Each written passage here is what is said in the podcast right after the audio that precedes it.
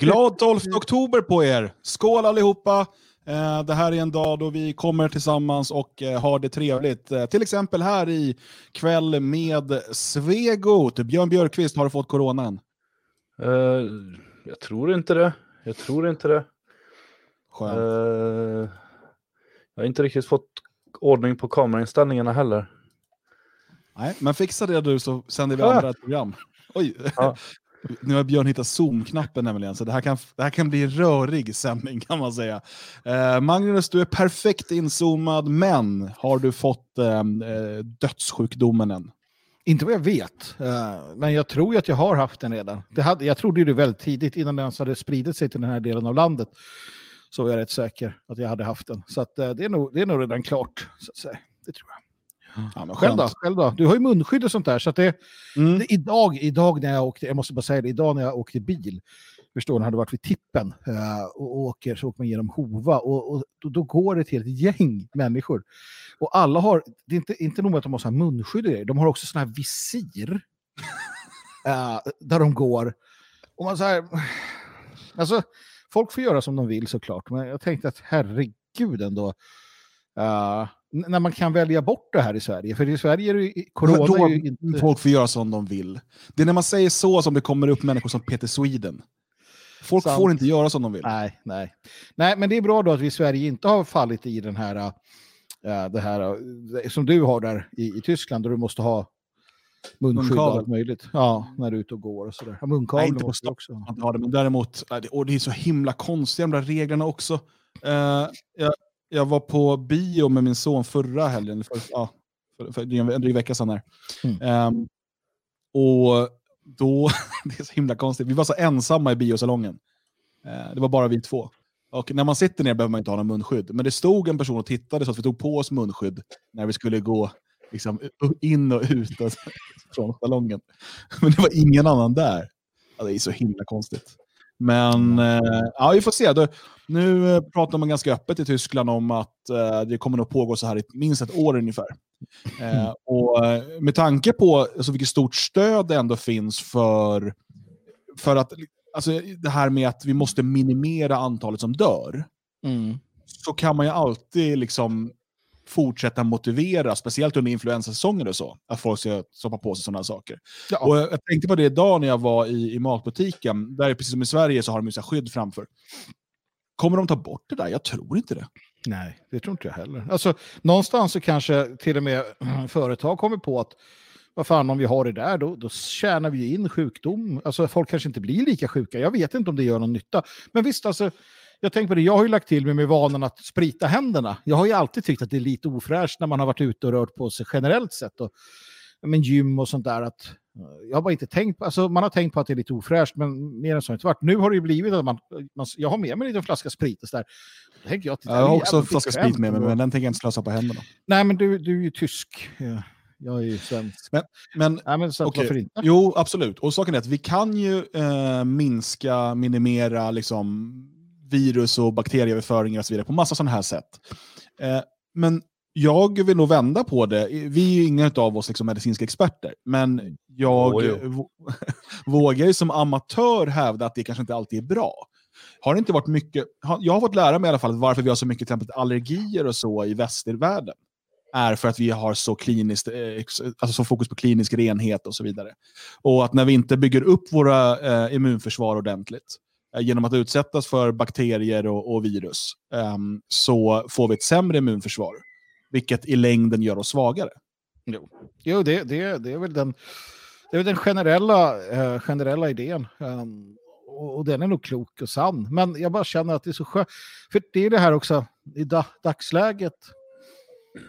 Alltså det är så jävla snuskiga människor ute också på städerna. Jo, jo, det- alltså det är, alltså de är ju värre än förut. För, för, förr i världen så, så var det ju, det var ju inte som det är nu. Va? Så att jag känner att, och sen har de massa värre jävla sjukdomar också, de här människorna. Ehm, och så där, det gillar jag inte. Nej, jag vet inte. Jag brukar tänka på det ibland när man är ute och så står det någon och röker en bit därifrån. Och så känner man, man får ju rök på sig. Och då tänker jag Mm. att alla andra människor som inte röker, då står ju de och andas på mig när jag står så långt bort. Mm. Ja, det är jävligt obehagligt. Jag försöker sluta tänka på det. Tack eh, Björn för att du sa det. Uh, nu kommer jag ja. aldrig mer gå ut. Va? Men på tal om annars, är det väl ganska, annars är det ganska lugnt tror jag. Jag vet inte, jag har varit på fyra olika ålderbo, eller åldringsboenden nu i fredags och nu Sjukt i... jävla hobby du har alltså. Sluta gå i skogen. Det är... Ja. Men uh, jag har inte, ingenstans har jag behövt ha mask eller visir eller någonting. Utan nu är det typ att, ja men nu överlevde det lite för många. Så in med er bara. Så får vi springa runt där och snyta oss i gardiner och grejer. Ja, det är ju ja. ingenting de speciellt har bett oss göra. Men, men, men, um, nej, men det är jävligt sjukt. Det. Jag tänker på rökning sådär generellt. Jag har ju slutat röka sen Ja, det var väl förra årsskiftet ungefär där i krokarna, så det är ett tag nu. Um, ja, det är ett så... års, årsparty uh, snart för det. Ja, börjar närma sig. jävlar ska vi röka. Ja, det ska rökas in i helskotta. Nej, men jag, jag tänkte på det Björn sa, fan vad äckligt det är med rökning. Alltså, alltså ja. Varför sa ingen till mig det? Så här, Magnus, sluta, du är besvärlig och jobbig och du så här, det tar tid och det ska rökas och det, så, fan vad man luktar. Och, så där. Var, varför har ingen sagt det till mig? Eller hörde jag inte det? Eller? Jag, vi sa det rätt ofta. Vi säger fortfarande att du luktar, men du... Liksom, du kopplar bort. Jo, jag vet ju, det är fortfarande det. Så att... Nej, men det, det är rätt kul. Vilken ovana man då hade, så här, fingrar och allt möjligt sådär. Men det är, det är ju faktiskt jag... intressant när man får perspektiv på rökandet, eh, om man själv har varit rökare. Jag tror att icke -rök, de som har varit icke-rökare hela livet, de har säkert sett det jämt. Men det absurda i att man står och drar i sig den där skiten. Eh, med tanke på också, när man själv inte röker så luktar det ju äckligt och liksom, det är väldigt här i, i, Tyskland kan man ju hamna på restauranger och pubbar där det fortfarande röks. Mm. Uh, och det, det är underligt. Alltså det är, och när man tänker tillbaka på, jag minns ju när man rökte på flygplan. Uh, restauranger, ja. absolut. Som sagt, det gör man här fortfarande. Fram, I Sverige gjorde man väl det till 2004, 2003 kanske. Något sånt där. Mm. Uh, det röktes inomhus, röktes det ju fan överallt. åker man ner till Sydeuropa så kan man gå in i shoppingcenter och folk går runt och röker. Liksom. Det mest bisarra jag varit med om där, i det sammanhanget, det, det är ju när vi var i Irak. Mm. Och um, läkarna sprang runt på barnsjukhuset och rökte liksom och undersökte och samtidigt hade en cigg i käften och så. Det, det, det var um, underligt. Ja, det var jävla konstigt faktiskt. Det var annan kultur. Mm. Ja, verkligen. Nej, sluta rök. Ja, sluta rök, eh, skaffa covid, nu kör vi. Eh, det, det är, är, rådet härifrån. Eh, vi ska idag prata om den, och det är ju passande, den, den snuskiga, den sunkiga vänstern. Varför är de så äckliga och varför ska vi prata om det? Ja, det kommer komma lite senare med slående bildbevis, nämligen i rörligt format. Eh, men vi ska också tala om kriminaliseringen av det grekiska nationalistpartiet Gyllene gryning. Vi ska prata om gårdagens partiledardebatt i Agenda. Eh, och vi ska prata om en ny motion som har lagts i Sveriges riksdag av ett gäng socialdemokrater som vill ha obligatorisk förskola från två års ålder. Men först är det nu Björn Björkqvists ansvar att recitera hela Peter Wolodarskis artikel från DN igår. Eftersom att eh, Björn sa åt oss idag att den här måste vi prata om. Han skickade en länk och tydligen behöver man då vara betalande Bonnierkund för att få läsa den. Vilket säger mig att Björn måste vara en sån och därmed kunna berätta vad som står. Uh, ja, just det. Jag ska se om jag hittar den här. Du länkar den någonstans va? Du, du sa inte det, ska vi komma för... Nej, du länkar den. Jag skrev att vi borde prata om den, sen länkade du den. Ja, just det. Uh, så ska vi se, då ska jag kopiera länken och så ska jag öppna den. Det här, vet du, det här är radio. Farbror, uh, hur, går det med, hur går det med det här internet? Vänta, stör inte det. Måste jag börja om från början igen. Uh, just det. Så här. Nej, Fan också. Är den fortfarande det gör låst? inte mig någonting. Jag, jag är helt... Uh, det kommer upp en sån här eh, kära läsare. Vi ser att du använder en annonsblockerare. Bra journalistik gör skillnad och med din hjälp kan vi fortsätta att göra kvalitetsjournalistik. Men vad har de med det att göra? Jag vet inte. Så står det avaktivera annonsblockerare eller prenumerera en månad. Även om jag skulle prenumerera en månad skulle de ändå säga åt mig att ta bort annonsblockeraren. Så att de försöker luras där. I alla fall, artikeln heter... Fan också. det står uh. inte längre.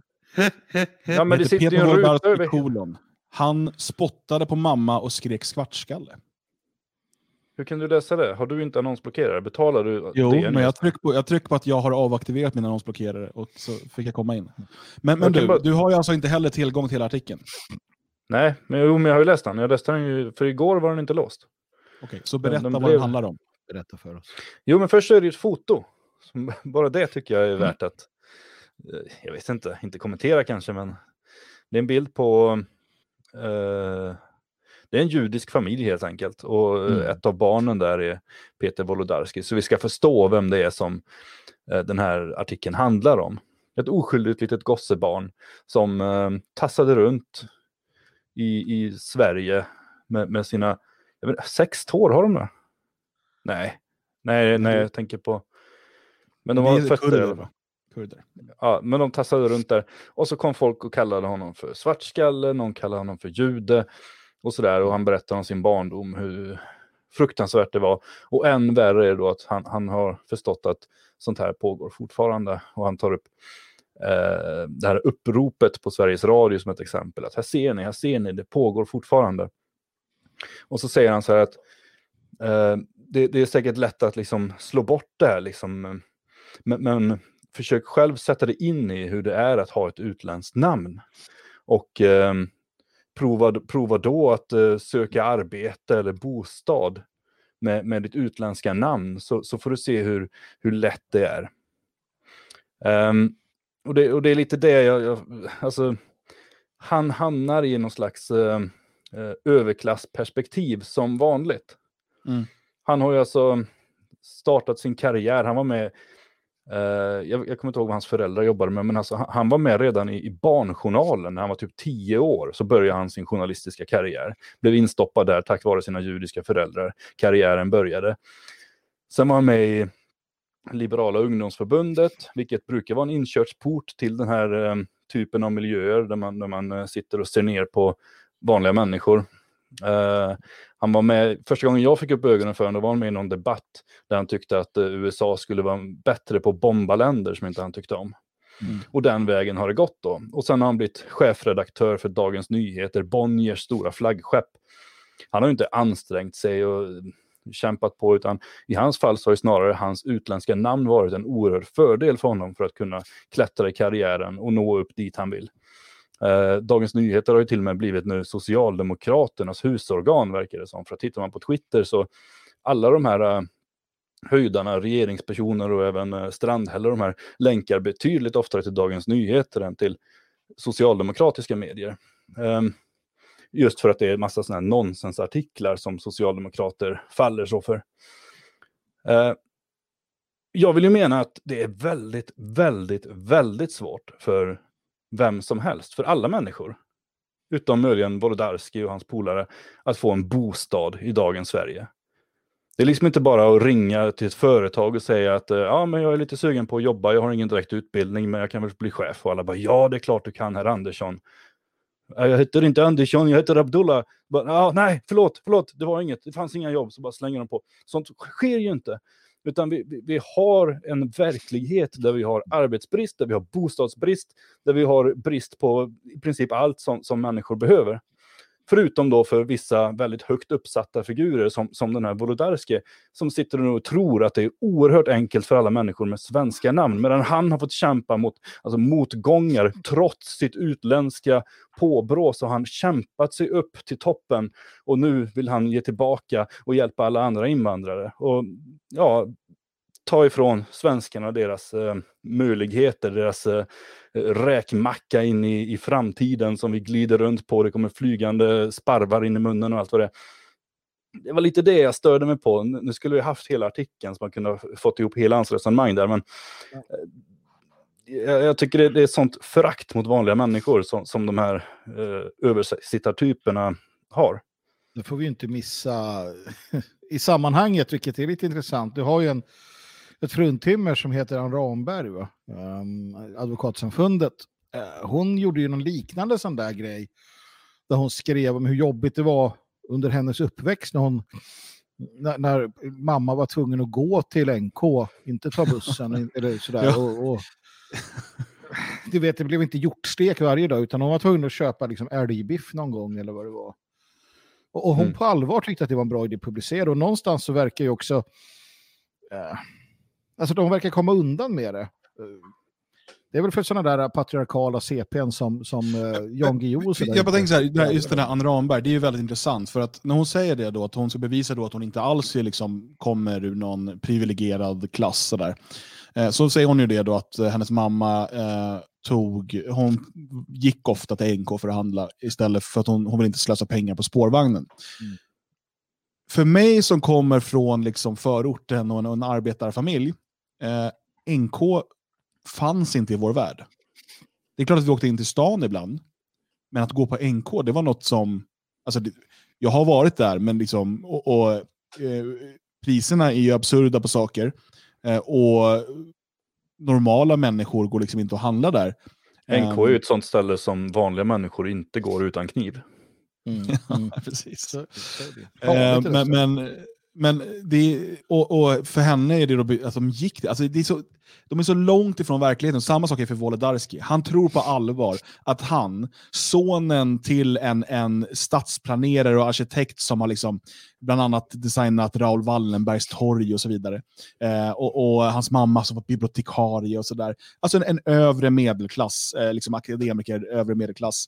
Eh, med, med känningar långt in i statsapparaten eh, via, via fadern att han, gud vad svårt det var, för det var någon som kallade honom för jude. Men du är ju jude. Ja, det är lite intressant bara det. Men jag tycker att någon som, alltså, det är det att de kommer undan med det. Och jag vet inte vad det beror på. Nu, nu såg jag, alltså, yeah. ja, nej, för att, för det är en annan sån här diskussion som går. Jag har läst Jan Guillou en del på sistone. Han, han är jättearg och ledsen för att de här rasifierade har tagit liksom, ett fast grepp om eh, om litteraturen också, kritiken. Och han har ju fått kritik för att han då är vit, vit och rik och skriver böcker. För att tydligen så finns det någon form av jävla rasism i det här också, att svarta författare eller färgade författare har det svårare för att de, ja men ni vet, man hittar ju alltid något att gnälla över. Och han, han så förstår inte, och han är ju bufflig på sitt sätt, så han, kan, han kryper ju inte. Jag undrar om det här är ett sätt för dem att försöka krypa inför att, att de förstår någonstans att de annars kanske blir Alltså att de, att de blir uppätna av revolutionen. För att de inser att vänta här nu. Vad fan är det som händer? Vad har de satt igång? De har inte koll på det kanske. Uh, vi, vi, har ju sett i USA hur den här BLM och sådär, hur de, den slår ju åt alla håll och kanter. Uh, inklusive mot de rika. Det har ju varit en del nu så här, att man ska krossa enprocentarna och sådär. Så, där, jag vet inte om det är något sånt. Mm. Ja, fast Wolodarski borde ju klara sig. Han, han är ju också rasifierad. Jo. Kan man tycka. Men det, jag vet, hela den här debatten finns ju överallt. Jag satt och lyssnade på, på någon lokal radiostation, minns inte vilken, eh, efter Nobelpriset i litteratur hade delats ut. Och då satt alla där och bara, var det väntat? Så här, och så, så satt de och försökte bara, nej det var ingen som hade läst författaren så att det var väl lite oväntat tyckte de. Men det var ändå väntat att det var en eh, vit kvinna då. Det var oerhört tråkigt att inte Svenska Akademin kunde sticka ut hakan lite grann och dela ut priset till en svart författare. Mm. Mm. Jag menar, I vanliga fall så gnäller de över att det är en man som får priset. Nu var det en kvinna, ja men då var det ju för jävligt för hon hade fel hudfärg. Det är liksom aldrig så att ja, men det, det människan har skrivit är bra eller någonting, utan det är alltid bara funderingar på vad människan är för någonting. Vilket, mm. Vilket jag också brukar kunna ha. Men, men då är jag rasist och borde inte yttra mig. Men, men de sitter med det hela tiden. Det, det, det är så eh, fantastiskt att, att jag menar, det, det, kanske kan vara så att det finns en anledning till att det inte är jättemånga svarta författare som har fått Nobels eh, litteraturpris. Jag vet inte. Jo, man, man skulle kunna tro det. Jag, jag tycker också eh, i sammanhanget, du nämnde den här, det här uppropet Vems SR. Eh, mm. Det, är, det är väldigt intressant för att man försöker ju såklart kopiera mycket från USA som alltid. Men det som händer, och, och när vi pratade, jag, jag vet ju när liksom, hur nationalister pratar om det här i, i 30-40 år, eh, vad som händer när de här grupperna blir för stora. Då kommer de kräva makt. Alltså det är så här, nej, nej, nej, men så är det inte. Det här är ju människor på flykt eller vad, vad det nu är. Liksom. De kommer bli svenskar de också. Eh, Eh, Eh, och det som händer nu är just det. Det man kräver är alltså det som kallas för representation. Det intressanta är ju att Sveriges Radio har ju alltså eh, fler eh, anställda med utländsk bakgrund än, alltså de, de, är överrepresenterade på Sveriges Radio. Men de har fel sorts bakgrund. Och, och det här med representation då, då, då skriver man bland annat allt för mycket av det journalistiska innehållet präglas sedan länge av stereotypa och avhumaniserande berättelser om rasifierade, antingen som offer eller förövare.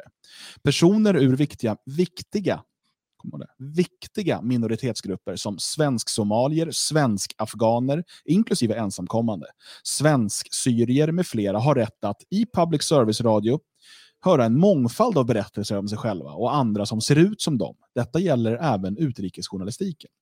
Och så skriver man här att, att liksom människor som har den här eh, etniciteten ska då liksom få rapportera om de här konflikterna i de här områdena. Alltså typ, en somalier kan bara liksom rapportera om det som händer i Somalia. En somalier som bor i Sverige. då. Eh, samtidigt så tror jag inte att de är motståndare till att somalier som bor i Sverige rapporterar om svenskar. Eh, och, och, Det är det ena. Det andra är hur tusan ska den här representationen se ut? För om man då ska gå ner och göra så som de vill, om man ska följa det, då måste man ju ha 0,2% litauer till exempel. Och, och, du måste liksom hitta, det måste ju vara typ, vad, vad kan det vara då? 3%, 4% eh, finländare. Eh, och hur gör vi med vänster och högerhänta? Alltså, det, det är ju helt, det är helt galet. Får, får överhuvudtaget högerhänta rapportera om vänsterhänthet? Men, Eller om vänsterhänta människor?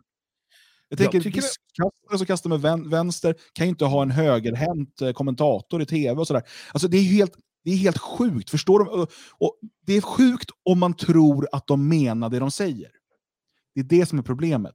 För nu sitter jag och diskuterar det här eh, så som man gör om man tror att det här är vad de vill. Vad det handlar om är svenskfientlighet och en vilja till makt.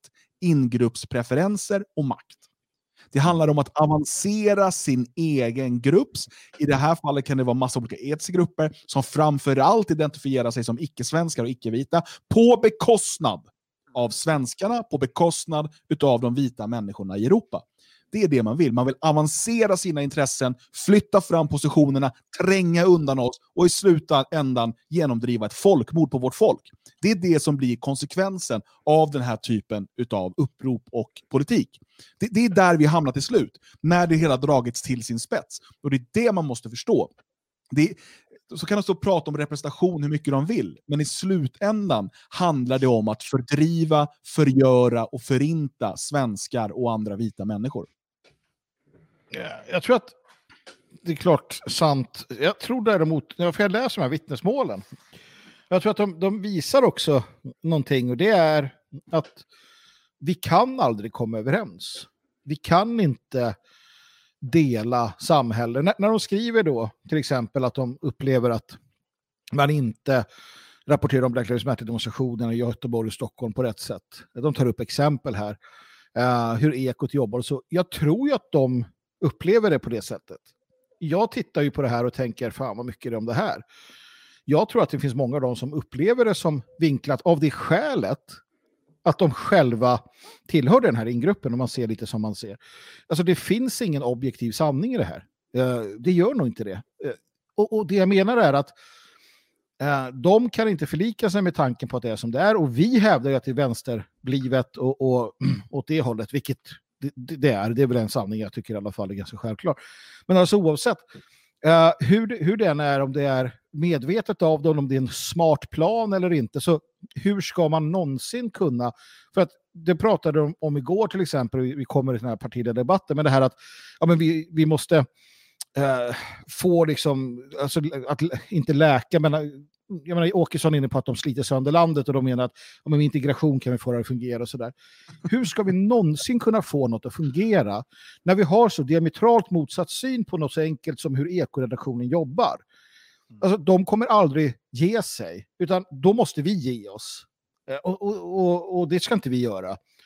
Och då kan vi aldrig komma överens. Det går ju inte.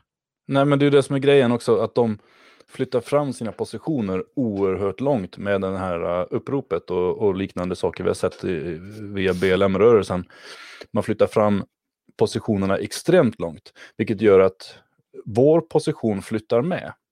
Istället för de kraven som borde vara ganska rimliga och ganska enkla. Vi vill ha ett svenskt Sverige, vi vill ha mm, alltså, svenskar på radio, vi vill ha svenskar på tv. Så sitter vi plötsligt och jamsar med liksom att eh, bara, ja, men ska det verkligen vara så många invandrare? Och, Eh, ska man verkligen utgå ifrån ursprung? Det är väl klart man ska utgå från ursprung, men inte på det sättet de vill, utan tvärtom. Det är ju vårt land. Det, det, det är klart vi ska utgå från ursprung. Vi ska utgå från de människorna som har bott här i generationer. Istället sitter vi där och bara, ja men vi måste ju se på andra kvaliteter och man kan inte titta på etnicitet när man ska anställa folk. Och, vad är det för jävla dumheter vi har börjat med? Mm. Uh, och det, det är på grund av att de flyttar fram ett par, tre steg framåt så följer vi långsamt efter. Vilket blir katastrof i slutändan. Mm. Ja, visst är det så. Och um, jag tycker också det är roligt att det är undertecknat av en massa som heter anonym journalist. Mm. Ja, det är också, mm. har det varit anonymt när det har lämnats till Sveriges Radios chef också? Det är det jag funderar på. Men, men, noterar ni men, att... Jag må, ja, förlåt. Säg, men, noterar ni att, att det verkar vara att, de som fly, att nu är det de svarta som flyttar fram positionerna? Mm. Ja, för de, börjar också... bli så, de börjar bli så pass många. Precis. Så att Saken araberna... var inte ens, de var inte ens en stor grupp. På, på 90-talet nej, nej. så pratar man ju om liksom så 40 000 eller någonting. Alltså det, var inte, det var inte alls så många. Sen har ju de de har ju tryckt på som tusan och, och vi pratar väl om en halv miljon svarta i ja, Sverige. Ja, visst. Och, och tänk det här då, sitter araben och känner sig förtryckta så kommer liksom den svarta populationen eh, och, och gör det här, för det här är ju genomgående Mogadishu och det är svarta och det är liksom allt möjligt. Black Lives Matter och sådär. Så det här är ju, ett, det här är ju, det här är ju ett, en, en, en, en attack då från de svarta mm. i Sverige. Uh, och sen har du ju andra som, som kämpar och sitt och det, det är intressant i sig att se det. Och, vad det där leder till. Björn, du sa det om det borde vara liksom svenska på radio för det är vårt land. Det som är uppenbart med det här uppropet, och det har det varit tidigare såklart också, men det, det, blir extra tydligt, det är att de här människorna säger nej, det är inte ert land. Det är mm. vårt land. Mm. Det är vårt land. Alltså måste man ju se att Kodjo Akolor och de här andra som skriver under det här, de, de, är, liksom, de är fiendesoldater i vår... Alltså de, det här är en, en, en framryckning av människor som säger att det inte är ert land. Vi har nu tagit över det, åtminstone så här många procent av det än så länge. Mm. Och då ska vi ha så många procent av makten. Det, är det, de, för de, det här är inte, vi ska prata Sveriges Radio, men de pratar ju samma sak inom politiken, eller inom polisen, eller vad det än är. Representation. Vi ska ha lika många procent som vi har knulla oss till och föda ut här i landet. Nu har vi ploppat ut en miljon barn, då ska vi ha, eh, då ska vi ha 10 procent av polisen. Det, det, är precis som de säger. Och de, mm. Deras största vapen är barnbidraget och barnvagnen. Det är så. Och så föder de upp tio nya per familj och sen eh, fortsätter man så här. Så man måste förstå att de här människorna, de driver liksom en kamp för att ta över vårt land från oss. Och, och Det är så pass enkelt. Det är, inte, det är möjligt att de inte har formulerat det för sig själva. Men det är det som blir konsekvensen. Och det är det de kräver. De kräver som representanter för sin ras, för sin stam, för sin klan, för sin etnicitet, kräver de makt och inflytande. Och det vi hamnar i, vi hamnar till slut i samma eviga röra som hela Mellanöstern och eh, vissa delar av Afrika eh, lider under idag. Där du har massor av olika etniska grupper eh, från olika raser, olika religioner, eh, olika stammar och klaner som slåss om inflytande. Och i vissa länder lyckas man med en hård eh, diktator kunna hålla de här människorna ganska mycket i fred genom segregation, genom eh, autonoma styren och så vidare. Till exempel Bashar al-Assad i Syrien. Men Eh, eftersom att man är ett så bräckligt land eh, på grund av att man inte, man inte har någon folkgemenskap, är man konstant utsatt för eh, den här typen av proxykrig, eh, försök till maktövertagande och så vidare, som vi har sett i regionen i åtminstone hundra år. Och eh, det är liksom dit man för oss. Det är dit man för oss hela tiden. Så att Sverige, Skandinavien, Europa ska bli svagt, ska, ska liksom bli lättstyrt, ska eh, helt sakna motståndskraft mot vilka krafter som, som än vill eh, styra, suga ur och utnyttja oss. Mm. Jo men så är det, och bara att det finns, det är inte, inte, jag tror inte alla vet om det, att det på alltså Sveriges Radio finns en somalisk redaktion. Och de tycker inte att det räcker. De bara, vi måste ha mer, vi måste ha mer. Vi måste ha en redaktion för varje land. Och vi ska ändå inte betraktas som invandrare. För det är också det hela tiden fram och tillbaka. Vissa stunder så, vi måste ha fler invandrare, vi måste ha fler invandrare. Och sen kommer någon till, eh, in på deras redaktion och i, frågar om någonting i deras egenskap av att de är invandrare. Då är det rasism. Vi ska inte betraktas som invandrare. Ni ska, ni ska behandla oss som alla andra det, hela tiden här framåt, det går inte att inte vara rasistisk mot dem när, när de sätter upp de här spelreglerna som är oerhört konstiga. Mm. Sen, sen är det, jag vet inte, jag, jag spelade in en film om eh, det här uppropet för ett par veckor sedan som ligger på min YouTube-kanal. Eh, så att jag har redan tjatat om rätt mycket. Men jag, jag tänkte, vi borde se, det är ju en gammal film som jag spelade in för länge sedan som bara är 30 sekunder lång, där man kan få höra hur det kan låta på Sveriges Radio. Så man kan bara spela upp det med ljud. Ja, jag får se, jag tror att producenten kanske inte tagit med ljud. Han Eller? kanske inte är riktigt nykter, producenten. Jobba på hårt ju. Är inte jag här. Oj. Nej. Oj, Han fixar det nu vet du. Det där är ett klassiskt misstag när man ska dela skärm och så glömmer man trycka på ta med ljud. Eh, Just det är sånt som händer. Ni som ser på, ra- hör, lyssnar på radioversionen, underligt nu va? Underlig, pinsam tystnad. Nu ska vi se om vi, om vi lyckas lösa det. Artist Al-Mughani har bott med sin familj i Borås sedan 2014. För att man ska få ansöka om medborgarskap krävs det att man varit här lagligt en viss tid. Tre år för statslösa, fyra år för erkända flyktingar och fem år för de som är alternativt skyddsbehövande. Det betyder att antalet flyktingar Ja. som Det räcker ju. Vad är det här för någonting? Det här är ju- alltså en person som är anställd. Den här människan är alltså anställd av Sveriges Radio eh, Sjuhärad som agendajournalist. Han gör reportage om eh, flyktingar och invandrare. Eh, han är en eh, arab eller något liknande. Eh, och på sin Facebook-sida till exempel så har han mängder av eh, inlägg som handlar om att Sverigedemokraterna är rasister och nazister och han blir applåderad av sina landsmän och han applåderar dem tillbaka. Det är alltså en uttalad fiende till Sverigedemokraterna, ett av våra riksdagspartier. Han är anställd för att vara agendajournalist och han kan knappt uttrycka sig som man förstår. Man får sitta och koncentrera sig oerhört mycket. Eh, har man någon form av hörselproblem eller så, så är det helt omöjligt att höra vad, vad människan säger. Mm. Eh, men det här är alltså vad våra skattepengar går till, den obligatoriska public service-skatten som nu har kommit. Det, det går till det här, det, det är det vi får. Det, och, och de är inte nöjda, de vill ha mer. Men jag, menar, jag måste säga det att eh, många av våra lyssnare minns inte det här. Jag vet inte om de lyssnar på radio, men det är många som lyssnar på radio också, vanlig radio, när man, när man arbetar sådär. Och ni som är födda eh, lite, lite senare. Det fanns alltså en tid då det bara pratade svenska på radio. På riktigt bara svenska. Ja, och jag vet inte när jag blev medveten om det här, men, men du vet, man sitter där och lyssnar och sen så kommer det sånt här på. Det är inte bara den här killen, utan det kan... Jag har sett det på lokalsändningar, jag har sett det i riks-tv, jag har sett det i reportage, jag har hört det i radion och man förstår inte vad de säger. Något som också blev populärt där ett tag, jag vet inte om det är det fortfarande, det är arabisk musik. Helvete vad de börjar spela arabisk musik på, på eh, P3 i- eller P4 i Stockholm i men alla för att fall. målgruppen finns. Precis. Så är det ju, och det är det som är poängen. Ju, blir de fler så kommer de få mer makt. Det säger sig Ja. självt. Och Ja. den stora, stora skillnaden är att alla de här grupperna har en tydlig ingreppspreferens, en tydlig raslig eh, etnisk identitet, medan svenskarna är sönderslagna under statsindividualismen. Det är, liksom, det är där vi är och därför kan vi inte, så länge vi fortsätter vara det, så länge vi fortsätter tänka så som svenskar har tänkt i åtminstone, åtminstone 50 år, skulle vi kunna gå tillbaka ännu längre.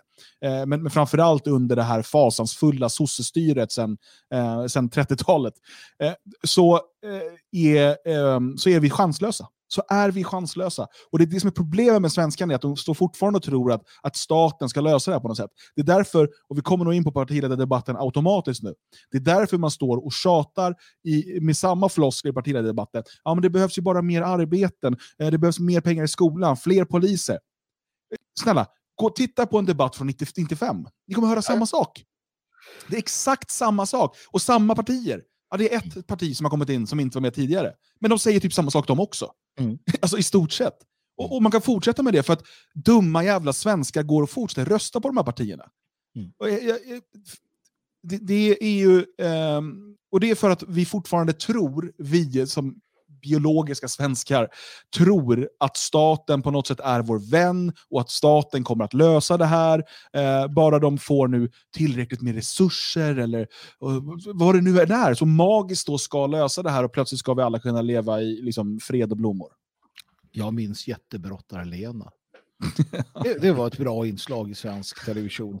Men minns ni hur hon, hon försökte ju verkligen också. Och det är ju så här, när, när det är något så här så börjar låta de liksom, ja men vi kanske kan göra något av det här i alla fall. Inte så här, ja men okej, vi får ta någon annan, det här går ju inte. Liksom. Ja, Mm. nej. Ja, men det, här, det är bra, jättebra. att Lena, det visar sig sen att hon var en riktig lokalkändis där. Dan Eriksson höll på att få en bulla över sig. Ja, det var på väg alltså. De, de, var, inte, de var arga på mig. Ja, de var jävligt arga. De ville döda Jag försökte dig. bara texta vad hon sa. Vad är problemet? Den har försvunnit från nätet, eller? Ja, eh, Den dyker upp då och då på olika humorsidor och sånt. Men det är roligt för alla har klippt bort eh, motgiftloggan i slutet. Ja, som, precis. eh, visar att det var vi som gjorde den. Ja. Jo men det är ju alltid så. Jag gjorde ju en rolig film, eh, fantastiskt rolig, när det var någon politiker som jämförde eh, böneutrop med glassbilen. Så gjorde jag en film med glassbilen som kom in rullande och började spela upp ett böneutrop. Eh, Den sprids ju hejvilt överallt. Jag har typ 20 000 visningar på min film, men sen har den ju hamnat på massa sidor och setts av flera hundratusen. Det är så störande. Jag ska börja Ja. deepfakea eh, Björn, så att när han, ha, alla hans sändningar, då ska jag sätta mitt eget ansikte. Eh, så att jag bara säger, så att det är som jag liksom. Låter som, låter som en bra idé. Ja. Eh, men, men låt oss då prata partiledardebatten. Eh, den var ju igår på Agenda. Oerhört lång. Varför håller de på så här? Det hade ju kunnat kokas ner. Vad sa du? Fyra timmar och fem minuter. Ja, med då- före och eftersnacket. Ja, och eh, Aktuellt i mitten. Ja. Men de höll ju på från åtta till kvart över tio. Det var två timmar. Mm. Kvart och aktuellt där i mitten. Fyra ämnen. Roligt också att de börjar med då på försnacket att visa att det här är de viktigaste ämnena tycker eh, väljarna. Och så var migrationen där högst upp på andra plats det var. Eller andra eller tredje. tror jag. Men det ska inte diskuteras idag. Nej. Eh, och mm, så fick Jimmy Åkesson fick ta duellen om klimatpolitik. Vad fan är det här liksom? Ja, Och med Miljöpartiet. Ja, så de fick ju sin paradgren. Och, Jim, alltså, och det är ju uppenbarligen det är ju SDs minst paradiga gren, kan vi väl konstatera. Jag tyckte han skötte sig bra. Jag, jag, trodde, jag trodde inte alls det, förutom det där ordet klimatnationalism som jag inte tycker om. Jag försöker göra ordet Nej. nationalism till någonting negativt. Men, men, eh, men annars så var det, tyckte jag att han gjorde bra ifrån sig. Han eh, kunde ha klarat sig betydligt sämre. Men någonstans, jag vet inte om det var en taktik att han skulle låta regeringen hänga sig själv och sådär, men från alltså, kvart, eh, sista kvarten, första halvleken och sen andra kvarten, först, andra halvleken. Han fick ju inte, alltså vid flera tillfällen så, så fick han ju eh, attacker riktade mot sig från de olika eh, partiledarna. Han fick ju inte tillfälle att svara. Det där, jag blev mer och mer förbannad. Eh, för att, Ja, jag tycker om någon... Många, det, det var många som råkade ut för det, tycker jag. Det, det var, Kanske det var. åt båda håll. Det Ja. var ju ganska klumpigt debattformat, tycker jag. Så att, eh, det var ofta det ställdes frågor och sen fick aldrig den som fick frågan möjlighet att svara, utan sen bara, ah, nu går vi vidare. Ja, men det blir någonstans, jag menar, det är så jäkla många också. Jag tycker det är, liksom, det är löjligt. Jag måste säga att formatet man har i riksdagen är egentligen bättre. mm. Att du har en och så får alla gå upp mot den personen. Ja. Och sen så kör man på sådär. Alltså det, tycker jag, det tycker jag är ett bättre format. För att just det här att det står åtta stycken och så ska programledarna fördela ordet. Det, då blir det ju så långt. Det måste vara frustrerande att stå där och man, jag, må, jag vill komma in nu. Jag vill verkligen, Mm. Man såg ju ofta att eh, flera stycken liksom, ja, men jag vill ha, de fick aldrig ordet. Nej. Så det, det, det är säkert frustrerande. Men, men okej, eh, innehållsmässigt, det som är väl kanske intressantast ur vårt perspektiv är väl då när man pratar om kriminalitet och den här Hassan. Ja. Ehm, Hassan, ja, vad ska vi göra för att hjälpa Hassan? Ja, Hassan, då, 13 år, som sitter med sina Adidas-byxor och börjar sälja knark. Eller han börjar liksom leverera knark. Eh, för han bor i ett eh, fattigt område. Eh, Mm. och hans mamma har ingen jobb typ. Så han börjar då leverera knark, och, för det finns ga- gamla, eller äldre killar som ja, han får göra det då. Så hur ska vi hjälpa Hassan? Hur ska vi se till att han inte hamnar i kriminalitet? Och det var ju nästan parodiskt när folk börjar prata, bara, jo men hur gör vi med Hassan? Men, har inte ni fattat att Hassan inte finns? Men Kan vi, nu kommer vi till, kan vi komma tillbaka till Hassan nu? Men, nej, det är ju bara ett jättetöntigt exempel. Um, och eh, som jag sa här innan, det enda, och jag, jag, jag såg faktiskt tillsammans med min, med min fru, eh, och, och jag sa det att jag vet precis vad de kommer säga. Det är skolan, eh, det är eh, jobben och det är poliser. Och det är exakt det de säger. Det, det, det är ju samma sak varje gång. Varför har man ens debatter? Om alla jämt ska komma, och alla, var det någon som ville satsa mindre på skolan? Var det någon som ville ha färre poliser? Var det någon som ville ha färre jobb? Nej men vad fan, vad är den diskussionen om då? då? Det, det som Fast det vart ju lite ju... invandring också i alla fall. Det, det, det vart ju, vilket inte är så konstigt, men, men eh, det var väl Åkesson som förde in det på invandring. Eh, att där måste också invandringen måste begränsas och vad han pratade om och vi måste försöka få kriminella att lämna landet. Eh, vil- Vilket fick Miljöpartiets eh, Per Bolund att ha en lång konstig harang om att de flesta invandrarna går upp på morgonen och går till jobbet. Så vi behöver egentligen inte prata om de här kriminella invandrarna. Det är så här jävla nonsensprat. Och då kom ju hon, Ebba Busch heter hon bara nu va? Mm. Inskuttande där och, och, och liksom förklarar att eh, vi, vi måste se skillnad på de som sköter sig och de som är kriminella. Hon har ju liksom börjat bli lite invandringskritiker. Det är också så jättekonstigt. Mm. Det där jävla partiet har ju alltid, sedan de kom in i riksdagen, hållit på att förpestat det här landet med sin massinvandring och alltid bara "Ah, vi ska vända andra kinden till och vi ska vara så goda eh, kristna kallar de det fast det är kommunism. Liksom de håller på att förespråka. att, eh, Det var också lite kul i alla fall att det var två tydliga block i den här debatten. Det var ju, eller egentligen tre block. Det, det var ju januaripartierna och så var det Moderaterna, eh, Kristdemokraterna och Sverigedemokraterna. Och sen så var ju vänstern ett eget litet block där som egentligen bara ville vara med. De var så här, ja men vi, vi är också här tyckte de. Eh, det var så jättekonstigt. Men, men att det var så pass tydliga block i, i Sveriges Television och ingen liksom försökte protestera mot det utan Centern och Liberalerna var nöjda med att liksom vara sossarnas stödparti även i debatten. Och, och Moderaterna och, och Kristdemokraterna hade inga bekymmer med att hela tiden förknippas med vad Åkesson sa. Så att, eh, det är ju tydliga block vi har fått, vilket är ändå lite häpnadsväckande för, för partier som aldrig någonsin skulle samarbeta med varandra för några år sedan. inte ens avkrävd, eh, Kristersson blev inte ens avkrävd den här klassiska frågan, skulle du kunna bilda en regering tillsammans med Sverigedemokraterna? Nu när de pratade extraval och, och sådana där saker. Eh, i- Det var ju inte ens en diskussion kring det. Eh, men, nej, och sen, jag måste säga att jag tycker, jag ska inte säga synd om, men eh, vad tänkte Sjö, Sjöstedt? Alltså, så här, ja, han går ut och, och hög svansföring och så här, nu ska det... Och sen när de pushar på det så bara, ja nej men ger, några, veck, några veckor till kan de få. Men vad fan är det där? Han, det är tredje, fjärde gången han så här, ja, nu ska vi, nu hotar jag att fälla regeringen. Och så där, och så blir det ingenting. Man satt ju där och tänkte, ja men kom igen nu för en gångs skull. Som out, with the bang innan du tar tåget till Vietnam. Liksom, ja men då skiter vi i det här. Nej. Lite någon- grann kan man ju ändå tycka att han, han har ju... Jag tycker hans förklaring var ganska bra ändå. Att, att medan Åkesson liksom vill fälla regeringen och få bort det och få, själv hamna i regeringen så vill ju Sjöstedt bara ändra en liten detalj. Naturligtvis.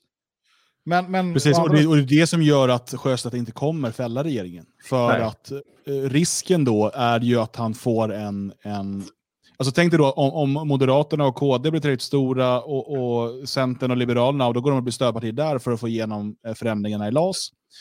Eh, för det vill ju alla de fyra partierna. Eh, och Sverigedemokraterna är nog beredda att gå med på det om de får lite inflytande över någonting annat, typ kriminalpolitik eller någonting. Eh, så plötsligt så har ju han då en regering som ändå kommer genomföra eh, förändringar i LAS eh, och dessutom var helt ointresserad av att samarbeta med vänstern. Så att hela grejen är, det är så uppenbart att han aldrig, han aldrig kommer göra verklighet av sina hot. Så att Stefan Löfven sitter ju ganska säker där. Och jag skrev en artikel idag på nationalisten.se om det här. Jag tror att det som kommer ske är att man kommer göra eh, vissa förändringar från det förslag som ligger nu. Eh, så att Centern och Liberalerna kommer inte bli helt nöjda, men de kommer låta det gå.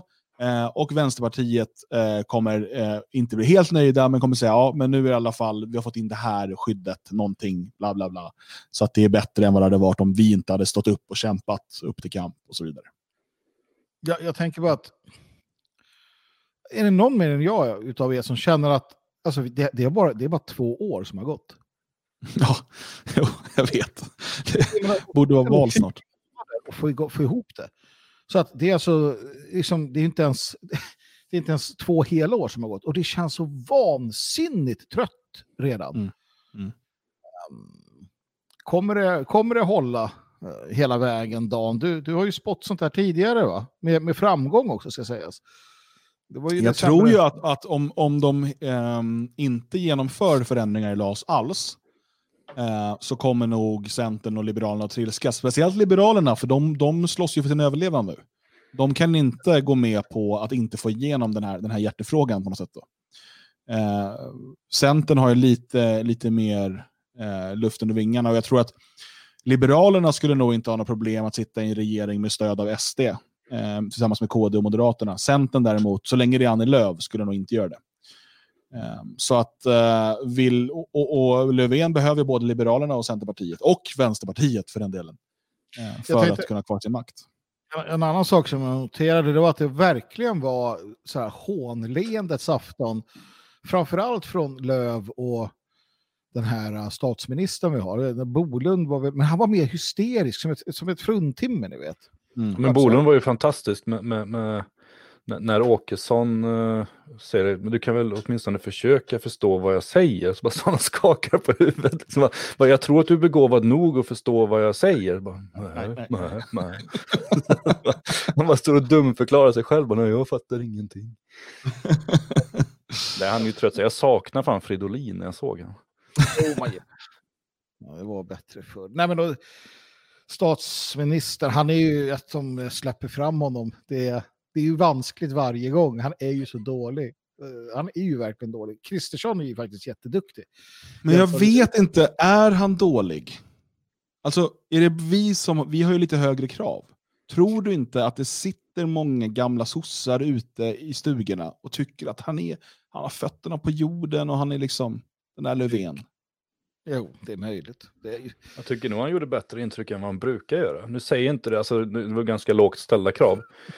alltså, men, men jämföra Löfven mot vanliga Löfven så tycker jag nog att han var lite bättre. Alltså li, lite, lite, han försökte vara lite tydligare, han var lite rakare och han stod ju liksom inte och skrek om käbbel eller försökte förklara lite någonting med siffror och så. Lite käbbel vart allt. han sa käbbel en gång, det blev roligt. Han sa det, jag missade det. Nej, men det kan nog vara sant. Eh, svenskar är ju lustiga på det sättet. Vi, vi, vi som liksom har begravt oss i det här och ägnat oss, vi kanske gillar mer alltså den här eh, lite hårdare debatterna och sådär. Jag gillar ju Kristersson mer, han är rak och han, han vet vad han vill och sådär. Det går undan, jag har så svårt för de här sävliga sådär. Å andra sidan, jag gillade ju Palmes debattteknik också. Uh, mer än vad jag gillar Fälldin. Det säger ju en del. Eftersom hela svenska folket hatade att Palme alltid mobbade Fälldin. Men, men uh, ja, det kanske, kanske är sant som du säger. Men kommer det bli någon effekt av den här partiledardebatten? Kommer den påverka någonting? Det tror jag inte. Nej, så det enda är att, att det blev, tycker jag, återigen, det går ju stegvis, men det blev ännu tydligare block på något sätt. Sen är det ju klart att Liberalerna kommer ju skutta lite fram och tillbaka, men, men ehm, just nu är blocken ganska tydliga. Och det, så på det sättet så är ju Sverigedemokraterna egentligen de enda vinnarna i debatten, för att de har ju kämpat för, för det här blocket i, i ja, tio år säkert. Mm. Men ja, Samtidigt så tror jag att Sverigedemokraterna eh, håller på att tappa lite existensberättigande genom att man har slipat av sina kanter så himla mycket. Eh, samtidigt som Kristdemokraterna eh, liksom börjar eh, låta som Sverigedemokrater väldigt mycket. Eh, vi får se. Alltså jag, jag, man får ju se hur det rör sig. Alla försöker. Jag menar, Löfven höll ju sitt jätte, sin jättekonstiga monolog där om att Sverige ska ta emot precis så många invandrare som vi klarar av att uh, integrera, eller så många som integration klarar av. Vilket ju är liksom, det säger ingenting. Okej, okay, men då tittar vi väl i så fall tillbaks.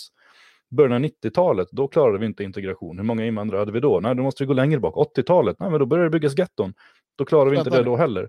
Då måste vi alltså tillbaka till 70-talet, 60-talet, där någonstans. Är det den nivån vi kan prata ja, om? Ja, så innan vi gick över från en assimilationspolitik till en aktiv mångkulturell politik 75. Så Nej. dit måste vi tillbaka då. Lyssnade inte ni på Per Bolund? Han var väldigt tydlig med att när, det var massiva, när vi hade det här under 90-talet och när det nu var, då klarade vi det. Och nu ska vi klara den här gången också. Det är självklart. Vi klarar det. Vi klarade det då och vi klarar det nu. Det var ju det han sa. Eh, Mm. Så, att, att de medvetet har klarat det. Så att, så att det tror jag att, ja nej men det är klart. Sen jag tänkte på Gandalf när jag hörde det där. Precis i första filmen, när Gandalf kommer ridande och träffar Frodo och, och får frågan, när Frodo säger du är sen, då säger Gandalf en, en trollkarl är aldrig sen, han kommer precis när han hade tänkt sig. Så det, det är väl det är sammanhanget. Ja. Nej, för det, det, det är bara så frustrerande att se på de här debatterna. För man, just när de kommer, kommer till de här frågorna som på något sätt är våra liksom, käpphästar och sådär när det gäller massinvandring och integration och alltihopa. Eh, att man bara forts att man tillåts fortsätta tjata om samma floskler som vi har hört. Och jag, jag vet, eh, liksom när man själv började få upp ögonen för problemen med, med invandrargäng och allt sånt här på, i mitten på 90-talet, då fick man alltid höra ja, men det är för att vi, alltså vi svenskar då, har satt dem alla i samma område, så de kommer inte in i samhället, trots att de har tunnelbana. Eh, Dumt liksom- ja, men alltså, och det, är, det är exakt samma sak man hör nu hela tiden. Alltså, det är exakt samma argument. Och, och löser exakt samma. Mer pengar på integration. Eh, bara det att nu börjar man bli aggressivare, som det här uppropet på Sveriges Radio. Nu kräver man representation. Raslig kvotering kräver man. Eh, liksom, det, det, det är där vi hamnar. Och, eh, att, att de här eh, patetiska programledarna inte bara säger men har inte ni sagt så här nu i 40 år? Ni har ju sagt hela tiden det som behövs är det här och det här. Ni har ju haft makten 32 av de här åren. Varför har ni inte gjort det då? "Eh, Det var den förra regeringen. Vi gör ju det varje gång. Det måste man säga. Att jag är trött på att höra det här nu. Det är ju samma sak år ut och år in. Uh, så, men vem var det som skrev? Var det, var det Björnen som twittrade ut? Tyckte jag var så klokt sagt. Så det var säkert Björnen. Det här att en, en, en, en, ett trendbrott ändå. Det är att i princip alla uh, gjorde sitt bästa för att vara för att liksom så här, inte vilja ha mer invandring. Alltså sossarna Löfven skällde ju lite grann på Kristersson. när Han, ja, men glöm inte bort att det var ni. Det var ni som, som lämnade oss med det här. Och, och Kristersson, ja men vänta nu, det var ju du som... För att för några år sedan så var det ju, hur många kan vi, vi ska ta emot mer. Det, det var som den här låten med, med Mörbyligan, att ja, men jag ska ha, vi ska ha negrer från Afrika med aids och de ska också vara, liksom, de ska vi ha. Så bara, nej, nej, nej, vi ska ha och så bara det bara bli värre. Så lät det ju förr va. Nu var det ju mer att nej, vi ska stoppa det, vi ska inte ha, förutom Bolund som bara, "Nej, men det är skitbra allting och sådär. Mm. Ja, det är mer så, alltså, vi vill nämligen, vi vill ändå, och är det ett trendbrott vi ser kanske? Var det du som skrev under Björn? Finns, Nej, inga, det var det finns inget utrymme Men- för något annat. Eh, Men, men det tror jag, det såg vi redan i valrörelsen, så att jag tycker väl inte det var jättenytt. Utan, eller inte, ja, strax efter, jo, men redan innan valet så, så började de ju skylla på varandra och prata om mindre invandring. Förutom då de värsta extremisterna, Centerpartiet och Miljöpartiet. Men alla andra försökte ju. Just det. Så att jag tror inte det var något trendbrott heller faktiskt. En, en annan sån där Vi fråga. kastade bort vårt liv helt enkelt igår kväll. Fan vad meningslöst. En annan jag- såg på, på internet, det var, de diskuterade eh, Vänsterpartiets Källa nästa, internet. inte Twitter tror jag det var. Jag vet inte, de diskuterade eh, Vänsterpartiets nästa partiledare. Kommer vi få se någon effekt där när Nooshi Dadgostar tar över? Jag tänker på manliga runkgubbeväljare. För det var några som Mm. var riktigt tända på så här, "Ja, fan, hon verkar bra. Uh, I någon tråd som, som någon hade lagt ut. Eh, Efter den här uh, tuttbilden som har spridits så jävla mycket. ska Om de stå i- ökande klyftorna i Vänsterpartiet. Sådär. Uh, kommer vi se en sån effekt där Björn Björkqvist tror när hon träder in i, i politiken och i debatten om hon får en massa manliga väljare på sin sida? Frågan är seriöst Nej. ställd. Ja, nej, jag tror inte... Alltså nästan alla partier eh, vinner ju lite grann, lite nya väljare när, när de byter partiledare. Så någon liten effekt kanske, men jag tror inte... Det lilla jag har sett eh, av henne, vilket eh, inte är speciellt mycket, har ju inte imponerat. Jag tror inte... eh, Jag tror inte hon i sig. Däremot så tror jag att, att Vänsterpartiet kan göra ett bra val nästa gång därför att eh, sossarna som ändå utger sig för att vara någon form av vänsterparti går ganska långt högerut i ekonomiska frågor. Så att jag tror att vänstern kommer göra ett bra val, men jag tror inte att det är hennes förtjänst. Nej, och frågan är om, om alltså Sjöstedt har ju varit väldigt bra för Vänsterpartiet och eh, det är nog svårt att hålla uppe det. Eh, Jag, jag kan inte henne så bra. Hon kanske kan få lite klanröster och sådär, men, men Nej, jag tror inte så mycket runkuberöster får hon inte. Jag tror inte, att, jag tror inte att det riktigt är... Vi hade ju Bengt Westerberg. eh, ja. Alltså, jag tror att svenska män är precis lika jävla känslomässiga nu som kvinnorna var. När de, alltså, kvinnorna röstade ju på Hitler för de tyckte han var snygg. Sen Bengt Westerberg-effekten känner vi till. Uh, och så vidare. Det var ju, det var ju, det, det var ju en erkänd. Liksom sådär. Jag tror att det kommer bli samma sak, för männen har blivit så jävla patetiska. Uh, så när den där, uh, jag, jag, jag tror det. Ursäkta, jag, är- jag är bara så jäkla besviken på hur folk är, så att jag tror att de är sådana. Så ett par tuttar och bara, "Åh, henne ska jag rösta på. Jävla degenererat pack i det här jävla landet. Jo, fast nästan alla eh, kvinnliga politiker har ju tuttar. Och de finns liksom i alla partier. Det är inte bara kvinnor som har mens. Ja, Men, vi har ju sett hur de liksom, ja. Ja visst, men det är väl skillnad på dem. Inte bara ideologierna, utan det andra också. Eh, men bara kort då innan vi går på paus. Ehm, jag eh, skrev eh, eh, på Twitter eh, något som jag, det, det är också en sån här käpphäst för mig. Ehm, jag skrev så här, det är inte politikerna som är inkompetenta, de gör nämligen precis vad de ska och vad de har sagt sedan åtminstone 1975. Det är väljarnas inkompetens som är problemet. Jag fick en del mothugg som menar då att nej, för att partierna bryter sina vallöften. Eh, sen en annan skriver, köper inte det där för politikerna ändrar sig hela tiden från vad deras vallöften var och så vidare. Ehm, är inte det ett tecken på väljarnas inkompetens att de fortsätter rösta på partier som bryter sina vallöften? Mm. Och, och när jag säger det här så säger jag det inte i första hand för att klaga på väljarna, utan för att klaga på systemet i sig med allmän rösträtt utan någon som helst liksom, kvalifikationskrav eller någonting. Det är det som är poängen. Poängen är inte, jag förutsätter inte, jag vet att alla människor inte är lika. Alla är liksom inte lika intresserade, lika kunniga, lika kapabla. Eh, alla är liksom, vi, vi har olika roller att spela i ett samhälle. Eh, det är liksom det som är poängen. Men den här tron på att väljarna, i något, liksom, de här, alla som går och röstar, ska kunna göra något typ av kompetent val utav företrädare. Det har väl, alltså det systemet har ju diskvalificerat sig självt. Precis som att om vi skulle låta vem som helst operera eh, på, en- på en eh, patient så skulle vi få ett dåligt resultat. Istället, då skulle det vara för att de är inkompetenta på att operera. Jag menar ju att en stor del av väljarna är inkompetenta på att välja. Ja, ja, Jo, alltså, men, men det, det är ändå, för man tittade ju vidare i, i diskussionerna du hade där och jag tycker ju ändå det som du lyfter fram att i väldigt lång utsträckning så har de ju inte brutit mot några, några löften heller utan de har ju Nej. gjort precis vad de har sagt. Mm. Det är ju det som blir ännu mer skrämmande. Liksom att, ja, men ni lovade att det skulle bli så bra. Jo, det kanske det inte blev, men, men de försökte göra det bra på det sättet de hade lovat. Och det, där har de ju ganska lång utsträckning faktiskt fullfört sin politik. Sen är det klart, sossarna har haft i sitt program sedan de startade att de ska um, avskaffa monarkin till exempel. Det är ju ett sånt, men det är ingenting de går ut med som vallöften heller, för det är bara någonting de har av symboliska skäl. Och som Ehm. de i praktiken ändå gjorde 75. Jo. Alltså det, det, nu, det är ju väl, ja, monarkin är ju det är en teater bara. Liksom. Jo, så är det ju. Men, men, eh, jag menar att, att de vill ha massinvandring och så, det har de ju varit väldigt tydliga med väldigt länge och väldigt öppet. I den mån det har pratats om det, det, det var ju ingen jätteviktig fråga på 80-talet till exempel, men kom frågan upp så var de ju tydliga med att eh, absolut, det är klart vi ska ha invandring, vi ska hjälpa människor och det är en del av vårt eh, eh globala internationella arbete och massa sådana nonsensord som de satt och hittade på. Eh, så, så det är ju klart att eh, har man missat det, då har man ju varit eh, väldigt frånvarande i den politiska debatten.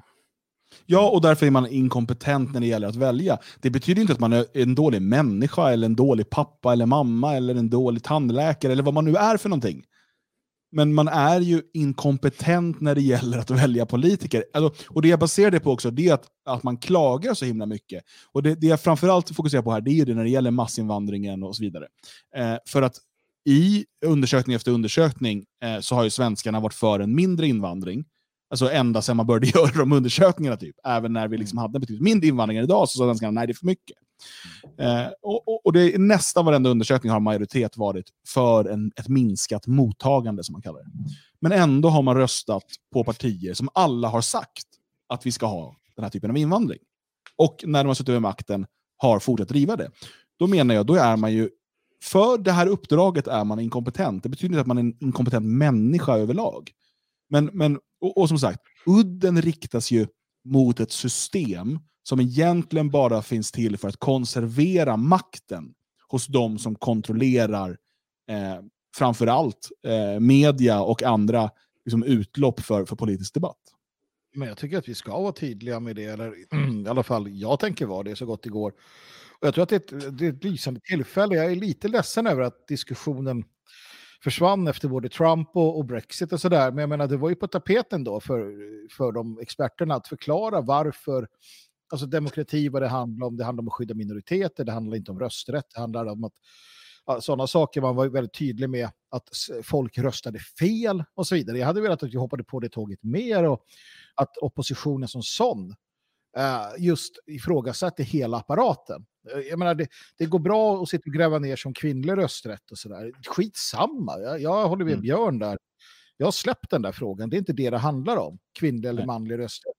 Det handlar om allmän rösträtt. Hur jävla smart är det egentligen? Precis som Dan är inne på det. Jag tror att man måste våga ta det. Och jag förstår att det är känsligt. För att dels har oppositionen breddats till den milda grad att vi har väldigt många som om du nämner att du är motståndare till liberal demokrati, då tror de att du är socialdemokrat slash nazist. För det är samma sak i deras värld.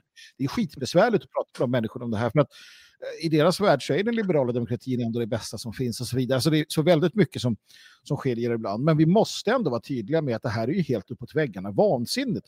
Och att det handlar om inkompetens, precis som Dan säger. Det, det kan inte...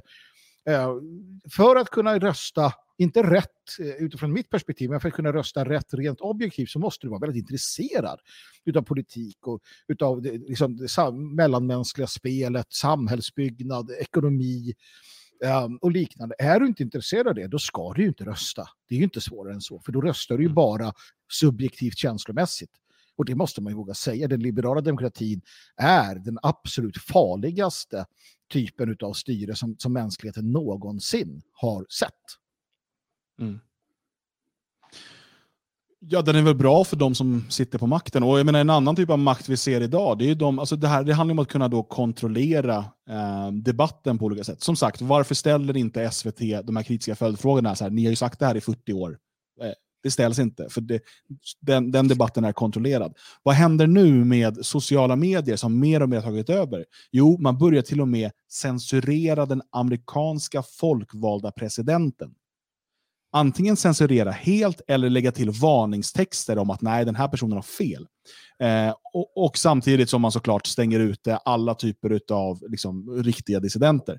Eh, och, och, på så sätt kontrollera debatten. För att så länge du kan kontrollera debatten så är liberal demokrati och allmän rösträtt ett jättebra system för den som har makten. Eh, och, och, det är därför de blir livrädda när, när vi liksom under en kort tid i liberal demokratins historia fick möjlighet att tävla på nästan samma villkor. När vi alla kunde använda YouTube och uttrycka oss fritt. Eh, den här kanalen kommer ryka vilken vecka som helst, för vilken gång i ordningen vet jag inte. Eh, när vi som sociala medier, när, när alternativmedia kunde eh, liksom finnas med på, eh, på samma premisser som alla andra eh, i, i sociala medier där man då når folk, det, det nya torget. Eh, då växte Sverigedemokraterna i Sverige och liknande partier i hela, i hela västvärlden exploderade och blev skitstora. Varför växer populisterna och så vidare? Ja, för plötsligt eh, kunde eh, vi vara en del av debatten på nästan lika villkor. Och vi kunde liksom få, man kunde kontrollera det i 70 år innan genom att kontrollera mediekanalerna på olika sätt. Nu förflyttas den makten från statlig eh, media och de stora tidningshusen till stora techföretagen i Silicon Valley som får den makten. Så, så eh, och, och, och, återigen, eh, jag, jag, tycker att det är intressant, jag tycker det är intressant att se invändningarna mot eh, när, när jag säger då att det är väljarnas fel, inte politikernas, att det är som det, som det är nu. Och då i förlängningen då systemet. Um, för att alla som var emot det är dels eh, i den klassiska åldern, typ 55 plus, eh, vad, jag, vad jag kunde se. Eh, och man vä- väldigt noga med att nej, det är inte mitt ansvar. Mm. Eh, och jag, jag har pratat med sådana människor eh, tidigare när jag har haft hand om eh, Det fria Sveriges telefon och människor som mejlar och sådär. Eh, som säger så här, ja men jag eh, röstade på typ sossarna eller Miljöpartiet eller vad det är liksom i 20-30 år. Men jag kunde inte veta och sådär. Ja, nej. Men, men de kan inte ta något ansvar. Nej, jag har inte gjort något fel. Jag visste ju inte. Så, ja, men jag, jag är ju av den åsikten att man måste då eh, också ta, säga att nej, men jag skulle tagit mitt ansvar och inte röstat. För jag visste inte. Jag, jag vill eh, i sammanhanget eh, tipsa om en eh, budkavle som finns på våran YouTube. Eh, mot eh, DFS Ideell Förening som den heter, vår YouTube-kanal. Fantastiskt. Eh, som, som handlar om eh, eh, ansvar. Eh, hölls, eh, hade den senaste som hölls i, från Svenskarnas hus här. När blir det sån här budkavel igen då? blir det på lördag, nu på lördag. Jag ska nämligen eh, ta tillfället i akt och förklara den här treklangen som du hittade på ehm, förra avsnittet. Just det. Segregera, organisera, revoltera. Det är viktigt att förklara vad den innebär. Just det. Så 16.00 i Svenskarnas hus nu på lördag Eh, kommer denna gå av stapeln, denna budkavel. Eh, kom till Svenskarnas hus, eh, öppet från 12 för allmänheten. Efter klockan 18 kan du som är medlem i föreningen hänga kvar på medlemspub. Men klockan 16 går då alltså Magnus upp på, ja, i någon typ av talarstol, om, det, var, om det blir biblioteket igen eller vad det nu blir. Men det får ni veta på plats. Jag kan berätta fungerar så att man förstår det. Det, det. vi gör är att vi spelar in den här budkavlen. Uh, eh, och jag ser jättegärna att det är publik på plats när man spelar in den. Det gör det bara trevligare. Uh, lite beroende på, det är därför det är bra att kom gärna i tid så att vi vet. För att antingen spelas det in i biblioteket eller i lilla salen eller i stora salen. Eller, eller så tar vi typ eh, någon idrottsanläggning en bit härifrån om, det är, om vi pratar tusentals människor som kommer. Man vet ju aldrig, då, då intar vi någonting bara här i Töreboda. Och vi, ser, vi kan väl säga så här, om det kommer över 10 000 människor, då lovar vi att inte ha kommunhuset. Ja, men det gör vi. Det gör vi. vi intar kommunhuset. På lördag, om det är 10 000 människor, ish, intar vi kommunhuset. Ja, vi kommer inte räkna exakt, men runt 10 000 vill vi ha det. Liksom. Ja, men 10 000, då kör vi. Då tar vi Töreboda. Ska man åka direkt till kommunhuset då eller ska man möta upp i Nej, Svenskarnas hus? Svenskarnas hus först, så vi kan samlas där. Så, så vi kan räkna ihop, så att vi är tillräckligt många. Precis. Sen kör vi. Eh, lördag den 24 oktober är det bildande möte för det fria Sverige i Skåne. Den första eh, kommunföreningen som alltså är ett helt län till att börja med. Eh, enligt modellen som vi har. Eh, är du medlem och bor i Skåne län eh, så har du rätt att delta på det här bildande mötet och välja styrelse och lägga ut planen för eh, arbetet i Skåne. Eh, dagen efter så är det planeringsmöte i Uppsala. Eh, och helgen efter det så har vi dels ett besök på Västmanlands läns museum och sen lite senare på kvällen från 17.00 så är det till förfädernas minne i Svenskarnas hus. Jag kan eh, säga så att det kommer bli en väldigt, väldigt speciell afton. Eh, och jag tror att du kommer komma därifrån eh, med minnen för livet. Eh, det, det, är, det är inte ett, en vanlig konferens eller ett vanligt evenemang, utan eh, det kommer vara en, en mycket, mycket spännande och eh, speciell stämning. Eh, ceremonier och god mat och sällskap och sånt såklart. Eh, och eh, idag så rasslar det till här med eh, bokningar på platser och vi kommer inte liksom, fylla huset för vi behöver rätt mycket plats för eh, jag kan inte säga vad, men det behövs saker där inne som, som skapar stämning. Eh, så det är ett väldigt begränsat antal platser. Eh, men du kan boka såklart på friasvenskar.se, eh, du som är medlem i föreningen. Eh, den 3 och 4 november är det ju val i USA och då hålls det en valvaka i Skåne för dig som är intresserad av att sitta med andra fria svenskar och följa valet. Och den 7 november, vet du vad det är då Magnus? 7 november? Nej, inte på rak arm faktiskt. Det är lördag. Ja, då har jag en budkabel att leverera känner jag.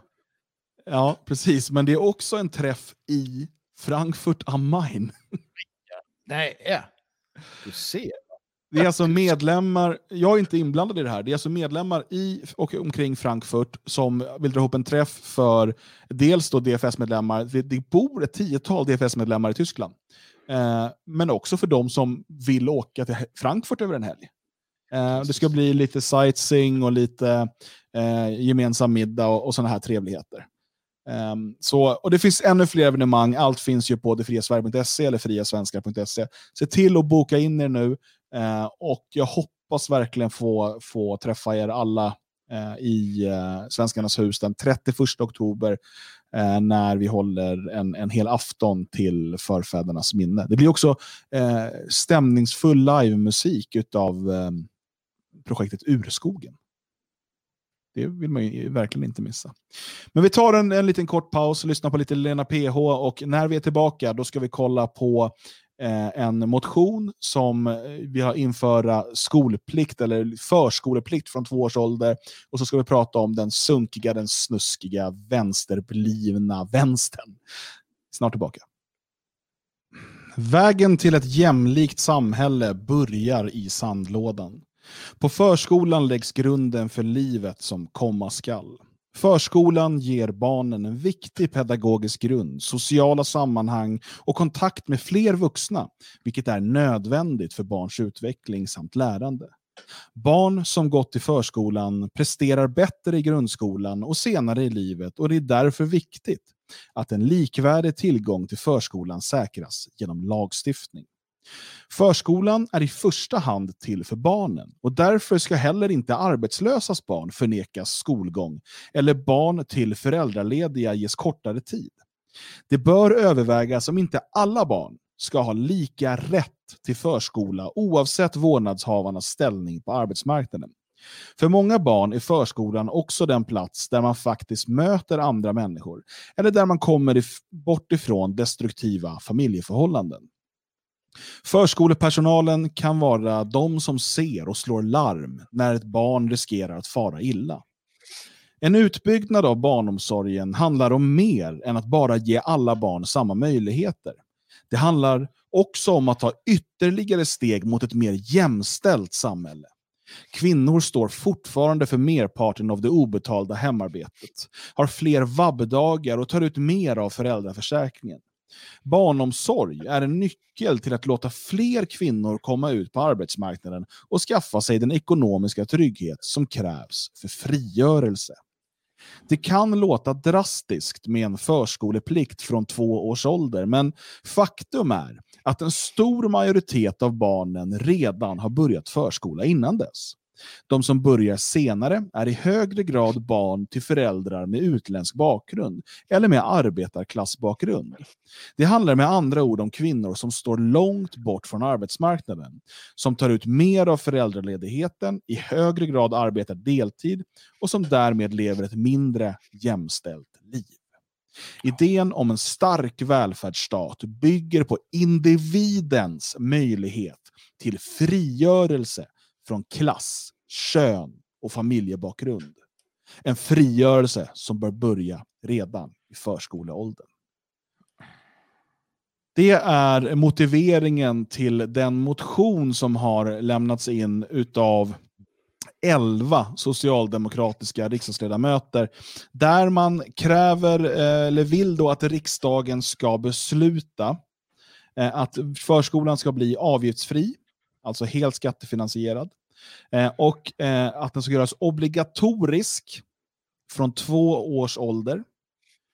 Eh, och att man ska då ha samma rätt till förskola oavsett om eh, liksom, föräldrarna är arbetslösa eller jobbar deltid eller jobbar heltid.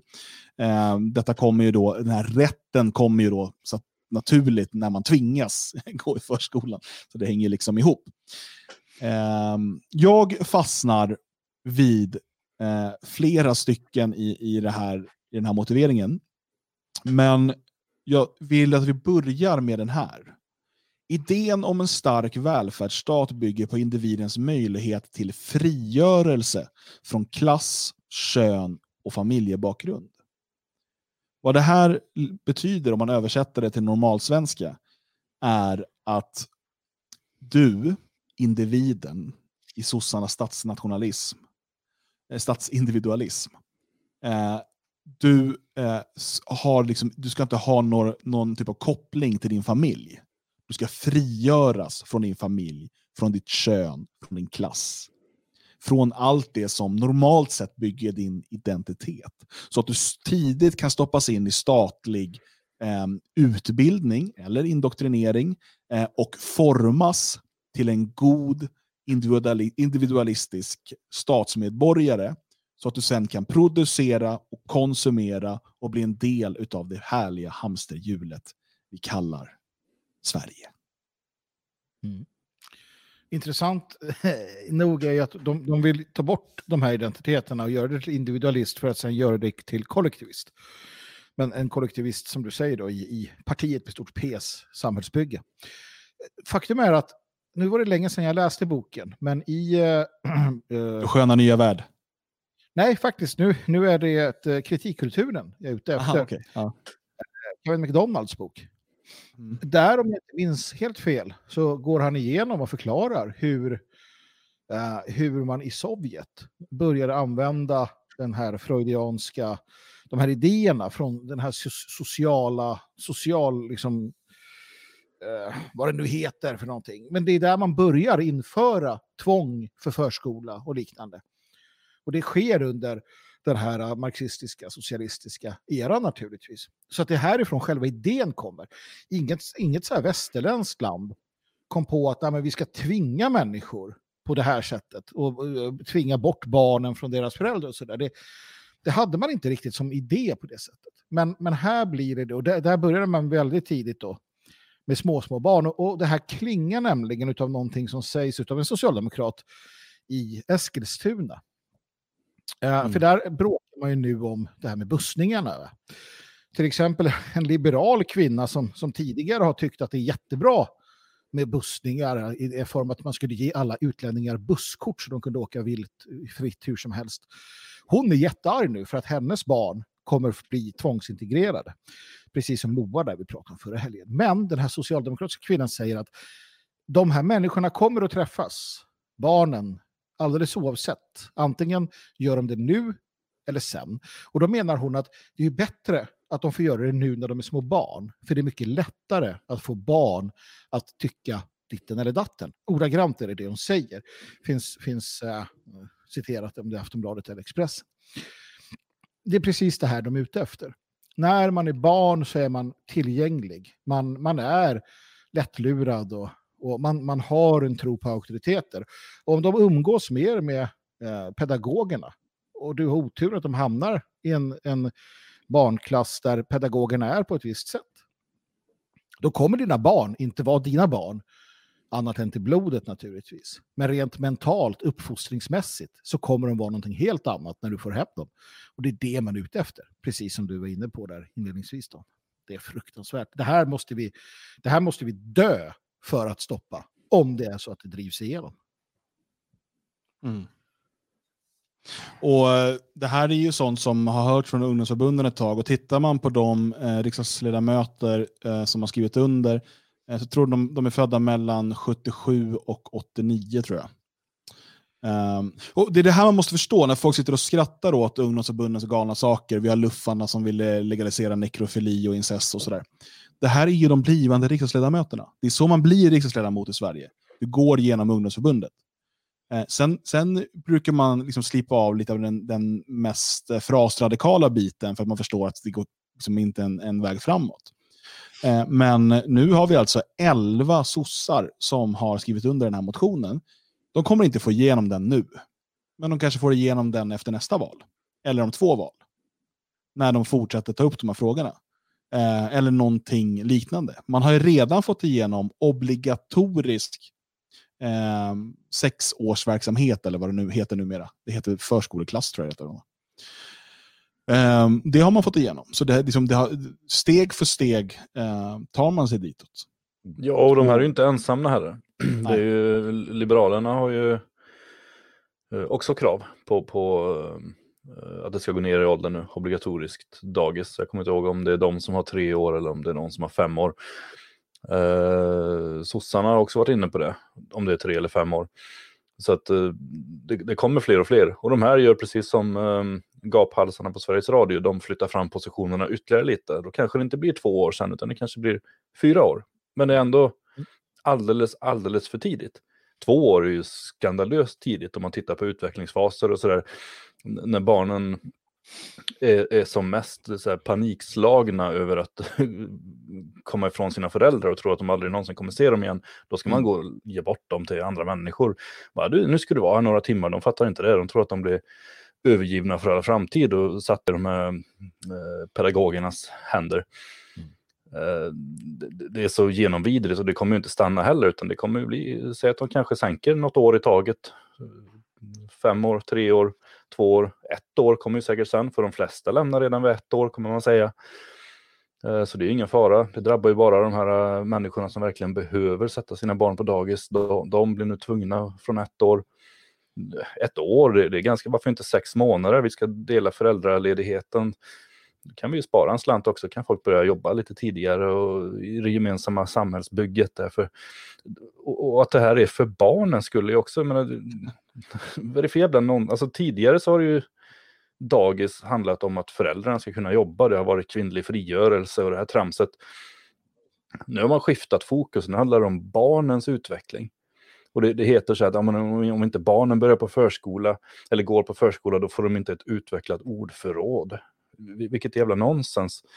Om, om, man skulle sätta, alltså om vi skulle få en obligatorisk förskola från sex månader så skulle vi plötsligt få höra att om inte barnen går till förskolan, då kommer inte de lära sig gå. Mm. Det, det, är, det är sånt man lär sig i förskolan. Och, och alltså, allt det här är ju bara nonsens, det är ju påhitt. Men fan, människor lärde sig läsa innan vi hade obligatorisk skola. Människor eh, har liksom kunnat prata i årtusenden utan att det har varit massa klåfingriga sossar och liberaler som har hållit på och infört massa obligatoriska omhändertaganden av barnen. Mm. Eh, Det är så jävla dumt allting och det handlar i grund och botten bara om en enda sak. Och det är att få indoktrinera barnen så tidigt som möjligt för att det är enda sättet att skapa sossar i framtiden. För att inga Jag skulle säga att det, jävla- ja, jag skulle säga att det handlar om två saker. Dels få in barnen så tidigt som man kan, man kan indoktrinera dem. Det andra är att få ut människor i arbete så tidigt som möjligt så att de kan eh, producera och betala skatt. Ehm, för att om man, om man tittar tillbaka på liksom, diskussioner, vare sig man kan gå på Myrdal eller andra lite senare, eh, så, så är ju just det att för de kvinnor som behöver arbeta, speciellt kanske då ensamstående och sådär, eh, så måste de ha möjlighet att få barnomsorg. Det är så diskussionerna går. Nu menar man ju att alla ska arbeta. Det är ju målet. Det är ju arbetslinjen kan man säga. Alla ska arbeta. Eh, det, det, är, det är därför man talar om det obetalda hemarbetet. Vad, vad är det ens för begrepp? Det, det är ju, det är, för mig är det kommunistisk retorik. Som att arbete är liksom, allt vi gör är arbete. Alltså när du dis- diskar hemma, när du byter blöjor på dina barn, då är det arbete. Mm. Eh, och det, egentligen borde du ha betalt för det också. Alla borde ha lika mycket betalt. Vare sig du byter blöja hemma eller byter blöja på förskola. Eh, och det, för det, det ligger liksom i grunden i den här retoriken. Och eh, Nu säger man då att ja, men förskolan eh, finns till, det är för barnen. Det är för barnens skull som de ska tvingas vara där från att de är två år. Du som förälder ska inte ens ha möjlighet att säga nej. Och få säga att nej, men jag vill ta hand om mina barn själv. Nej. För för barnens skull. För att då, det är i förskolan, som man säger här, som man kan upptäcka destruktiva familjeförhållanden. Och vad kan det vara? Om vi tittar på Storbritannien. När man får veta att, att barnen eh, kanske ber bordsbön hemma. Det är ett destruktivt familjeförhållande. Vi har sett sådana exempel på. Vi såg det i Norge också. Du eh, kan se destruktiva familjeförhållanden när du får reda på att pappan där, är inte han sån där organiserad nationalist? Det är destruktiva familjeförhållanden. Det är nog bäst att koppla in socialtjänsten. Och för att vi ska kunna upptäcka det här i tid så måste barnen så tidigt som möjligt sättas i, i, i eh, statens eh, förskolor. Mm. Och eh, det här det kommer bli verklighet. Och för att det, det man gör här, det är en klassisk förhandlingsteknik. Donald Trump skriver bra om det här i, The Art of the Deal. Ehm, och Det är så här man jobbar hela tiden. Nu slänger man ut det här och folk kommer säga att men från två år är ni galna. Och sen kommer man få igenom från fem år. Det är nästa steg. Mm. Eh, precis som när man, vi pratade tidigare om det, avskaffade monarkin i praktiken 1975. Sossarna hotade och sa eh, till eh, kungahuset att vi kommer att avskaffa monarkin om inte du går med på att helt ta bort din makt, bla bla bla, göra om det här, det här, det här. Eh, så man kom till en kompromiss. Man gick ut och hotade med att avskaffa kungahuset och införa republik. Och då kunde man få igenom en överenskommelse där kungen helt eh, avskaffade sin egen makt och var, blev underställd riksdagen istället för tvärtom. Och precis samma sak gör man här. Man går ut och säger vi ska ha förskoleplikt från två års ålder och så kommer man få igenom från fem års ålder i det här steget. Jo, men jag tror inte så många kommer reagera. Alltså, som det står, de flesta skickar barnen till dagis. De flesta barnen går på dagis när de är två år gamla. Eh, så att de flesta kommer nog tycka, eller snarare titta på den här lilla biten om att det kommer bli gratis. Tycker att men det här är ju fantastiskt, det blir gratis. Det kommer inte kosta något. Ingen, ingen behöver betala någonting. Det blir gratis förskola. Helt underbart. Eh, och de mm. kommer ju jubla över det här. Och sen då att man tvingar dit en massa barn vars föräldrar hellre skulle ta hand om sina barn. Det struntar man i. Det, det är som när eh, tv-licensen gick ifrån att vara tv-licens och frivillig till obligatorisk. Och Alice Bakunke stod där och förklarade att eh, televisionen är så pass viktig så att även om, även om man inte har tv så måste man vara med och betala för att det är så allmännytta. Alla har nytta mm. av tv, även om man inte ens har en tv. Och många av de som hade tv stod och jublade därför att det skulle bli lite, lite billigare när de räknade på det då. De skulle få betala lite mindre och då var det ju jättebra. För, för att uh, alla de här parasiterna som inte betalar tv-licens, sådana som jag, uh, skulle nu få vara med och betala för, för de andras nöje. Sen att jag inte har någon tv, det, det tyckte de att det var strunt samma. Det gör ju bara mig sinnessjuk och konstig. Mm. För jag inte tycker att uh, På spåret är det absolut viktigaste som vi måste lägga skattemedel på. Och det är lite mm. samma sak här. Jag tror att de absolut flesta kommer titta på det här. Fan, gratis förskola. Det är ju fantastiskt. Då kan vi skicka dit barnen ännu tidigare. Ja, jag ställer mig frågan till hur många av de här politikerna som har barn och familj. Ja, det... Några stycken har det i alla fall. Jag kollade upp det där innan. Mm. Um, ursäkta nu att jag sitter på telefonen här, men jag fick precis väldigt breaking news. Mm -hmm. um, uh, så jag bara måste svara här. Um, vi ska ju prata kanske om Gyllene gryning sen. Nej, uh, Marion Kotleba, uh, ledaren för det slovakiska nationalistpartiet, som är tredje största parti nu, dömdes just till fyra års och fyra månaders fängelse nämligen. Mm -hmm. mm. Jag tänkte, Just tänkte vänta. Men... Ja, nej, jag fick det här på jag fick meddelande nu. Jag hade missat det helt att det skulle komma domen idag. Ja, men du har ju någonting som kallas liberal demokrati.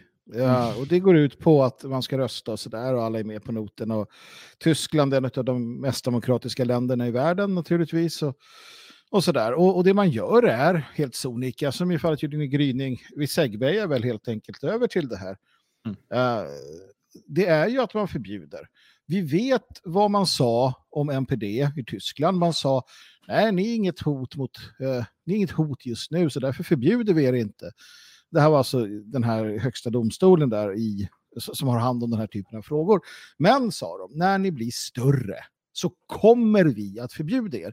Vilket har fått till, vilket har fått till, till eh, konsekvens att det är svårt för partiet. Naturligtvis är det många människor som känner att okej, okay, jag tror på det här partiet, jag vill vara en del av det här partiet, jag tror på politiken, men om jag investerar 20 år av mitt liv i det här och vi kommer närmare någon form av möjlighet, då blir vi förbjudna. Alltså tappar man säkert medlemmar. Jag tror att det var jätteproblematiskt för MPD att, att få höra det. Och det är så det fungerar. I, uh, uh, i Slovakien blir samma sak. Det har gått för bra för, för Kotleba. Och han döms, om jag inte är helt ute och cyklar, för att han gav en check på 1488 euro. Eh, eller 140, ja, så. I, 1488 euro till, eh, de delade ut det till slovakiska familjer som hade dåligt ställt. Um, så då gick de att dela ut checkar på 1000. Alltså, de har gjort en grej av att de uh, lever väldigt um, idealistiskt uh, mm. och de tar alltså ut 1000 euro var i månaden i lön. Mm. Mm. Eh, ledamöterna av parlamentet. De har, jag tror de får 5 500 euro. Eh, så mm. det är mm. lite mindre än i Sverige. Resten eh, ger de till fattiga eh, slovakiska familjer. Mm. Och då har de delat ut checkar då på 1488 euro. Eh, och för det döms han nu då till fyra år och fyra månaders fängelse, ledaren då för Slovakiens tredje största parti, eh, för att man menar att han har propagerat för sympatier mot rörelser som eh, förtrycker fundamentala mänskliga rättigheter. Ja, och, och vi har samma i, i uh, Grekland där Ja, vi kommer in på det. Men, men om vi tittar då till exempel Italien. Eh, Salvini har gått från att vara inrikesminister, ansvarig för säkerhet och liknande, till att stå åtalad. Han hade något som hette åtalsimmunitet. Senaten bestämde sig för att rösta bort den. Nu står han åtalad och, kan, i princip, så kan han dömas till livstidsfängelse för eh, kidnappning utav x antal eh, afrikanska så kallade flyktingar som han kvarhöll på en båt. Alltså på riktigt kan han dömas till livstidsfängelse. Det finns i straffskalan. Eh, och man tog bort helt enkelt eh, den här möjligheten att, att inte bli dömd. Vilket man inte har gjort för någon annan i princip. De kan gå till horhus och de kan eh, liksom gå till sängs med maffian och allt möjligt, de här politikerna. Det skiter man i. Men Salvinis ryckte man direkt. Det är för att visa att eh, om du engagerar dig i det här och det går för bra för dig så kommer vi, vi kommer att stoppa dig på ett eller annat sätt. Mm. Fatta det din dumma jävel och lyd.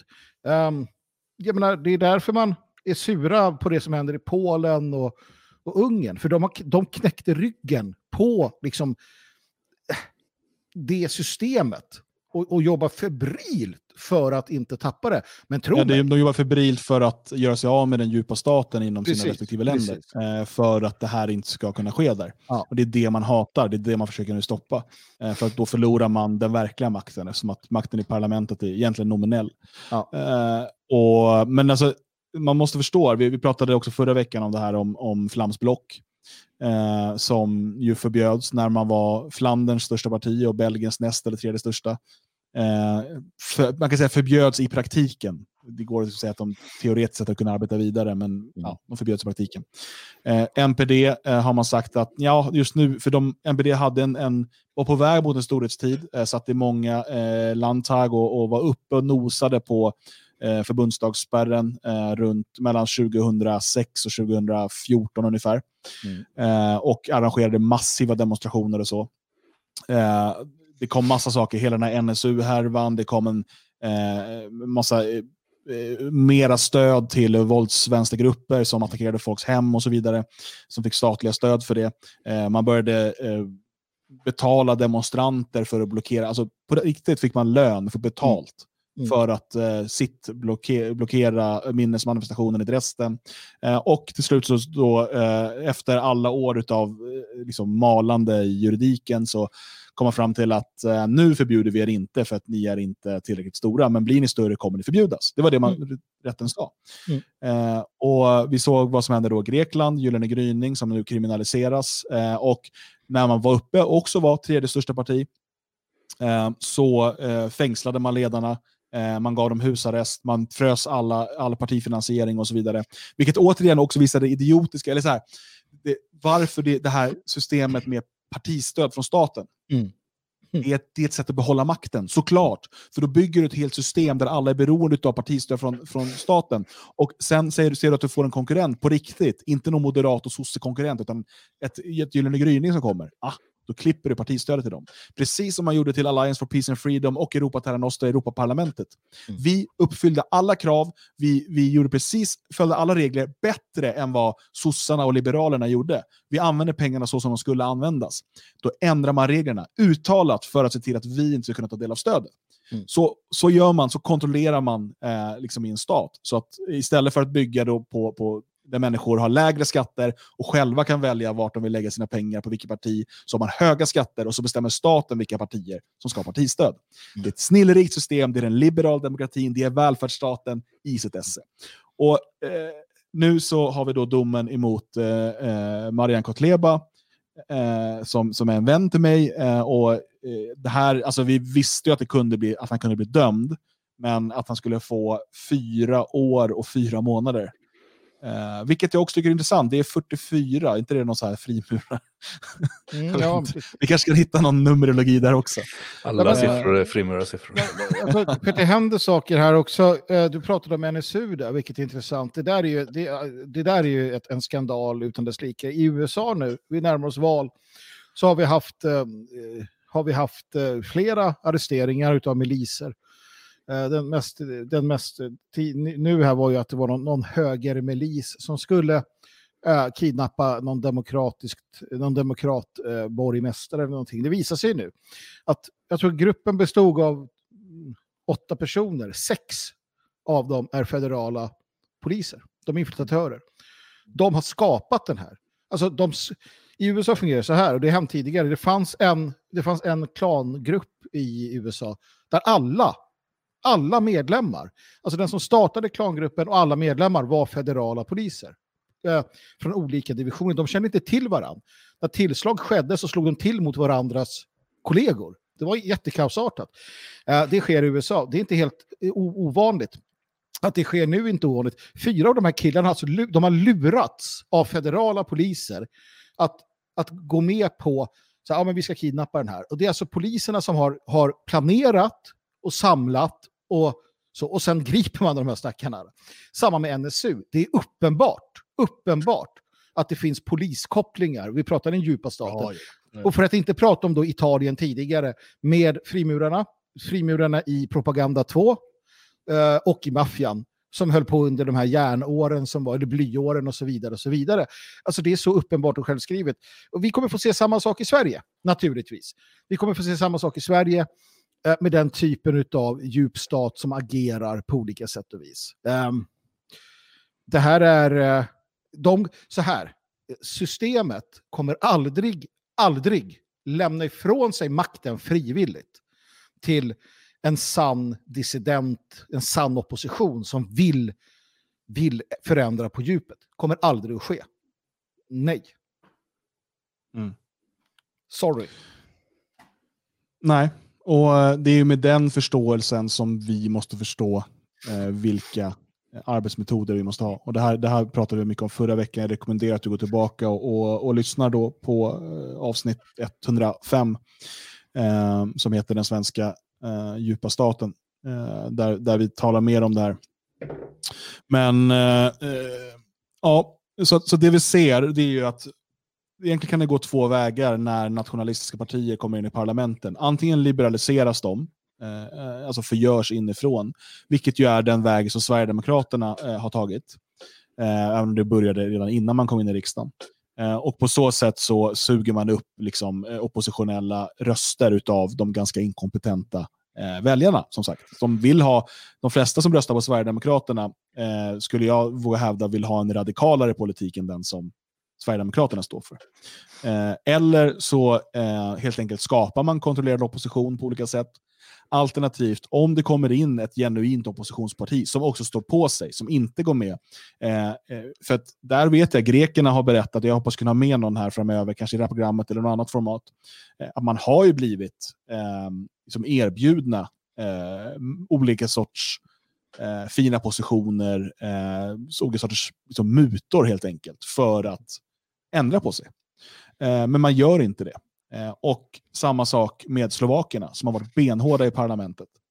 Eh, och då försöker man hitta sätt att antingen kriminalisera hela organisationen, som i Grekland, som i eh, Belgien, eller fängsla ledarna och göra exemplet av dem som i Slovakien och Italien. Mm. Det är det som är och det är det som väntar. Jag vill bara ha det sagt för, för uh, för protokollet också. Varför pratar jag om frimurare i, i Italien? Det är för att det är ett välkänt problem. Propaganda 2 var en välkänd och är säkert fortfarande verksam. Uh, avslöjad också för den delen, precis som andra sådana här. Uh, det, det, jag tror inte att det är ett lika stort problem i Sverige. kan jag säga. Generellt sett i de nordiska länderna är det inte alls lika stort. Så, så att jag inte får, sätter igång någonting här som jag inte... Ja, vi har ju socialdemokratin. Äh, ja, men precis, alltså, vi, vi pratar om den djupa staten.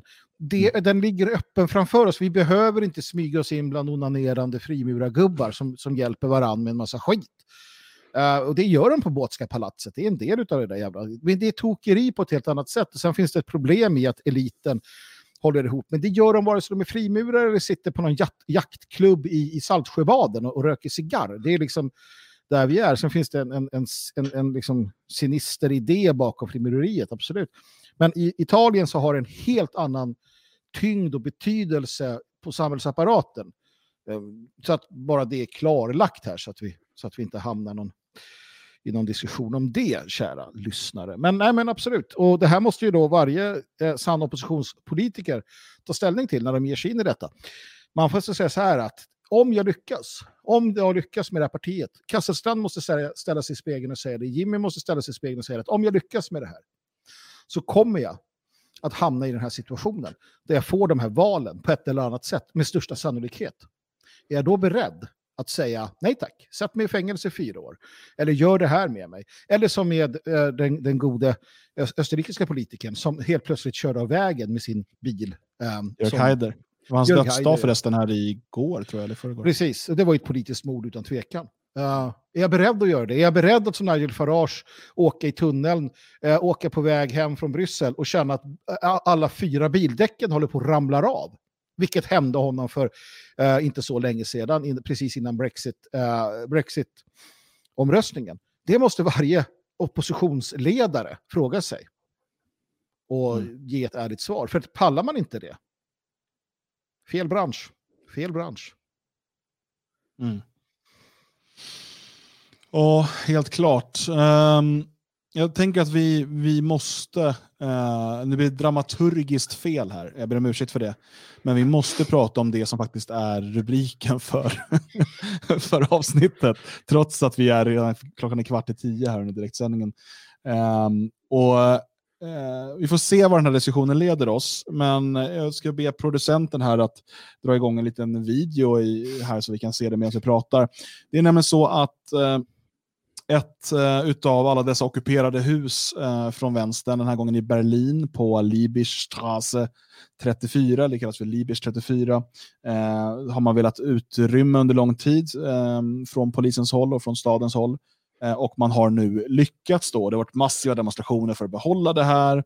Eh, uttalat stöd från eh, diverse vänsterpolitiker för att det här ska få vara kvar. Det här är en viktig queer-feministisk eh, vånings, vo, jag, boendeprojekt.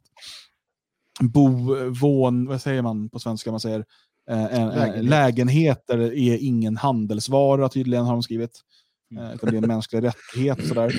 Och nu kan vi då, vi normala människor, för första gången eh, få följa med in i ett sånt här vänsterkollektiv, eh, eller vänster, ockuperat vänsterhus, där de då har haft möten och där det har bott en del sådana, eh, och se eh, hur det ser ut. Och det, det är intressant för att jag har sett massa sådana här nationella eh, hus, eh, Eh, bland annat svenskarnas hus, då, men också i Tyskland. Då, så att, eh, det, det är intressant att jämföra.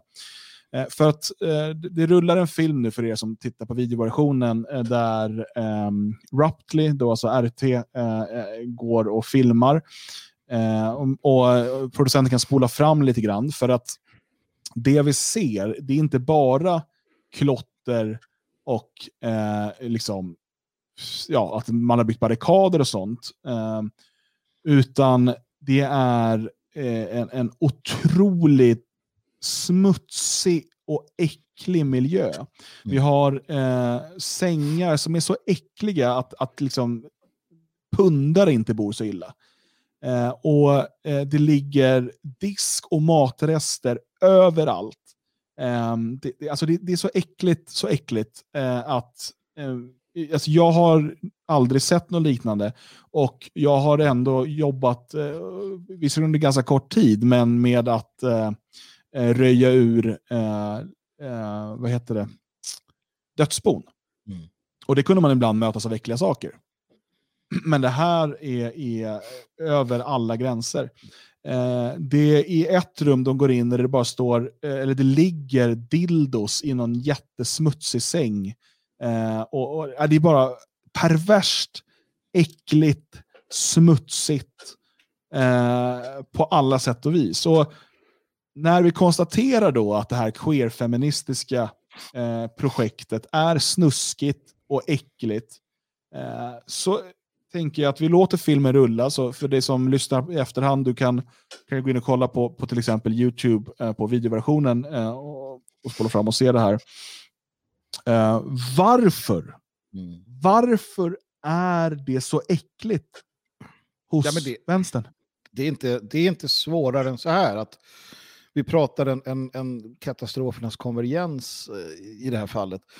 Alltså den, den, den tidiga kommunismen, eh, vänstern i Sverige till exempel, arbetarrörelsen, den var ju absolut inte så här. Absolut inte. Man hade finast gå bort sko- kläderna på sig och, Och, och man hade ordning och reda överallt alltså. Ehm, såklart.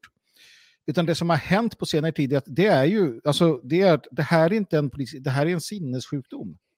Det, det, är det, på riktigt. De här människorna mår inte bra. Det är svårt, alltså, att, att man blir arg och så här jävla grisar och så, men det här är ju, skulle jag våga hävda, människor som är psykiskt sjuka på olika sätt. Och vi har alltså en tidsanda som är psykiskt sjuk. Jag har varit inne på det här också i en av budkavlarna. Eh, Västerland, alltså vansinnet i västerlandet. Det här är en sjukdomsbild. Um, sen kan man beroende på religiositet eller avsaknad och sånt härleda den till olika saker. Jag är rätt säker på vad jag, vad jag tror i frågan varför det är så här. Och det bottnar i att hela världen är i den ondes våld. Och det här är vad, vad, resultatet blir av detta, för det går inte att förklara på något annat sätt.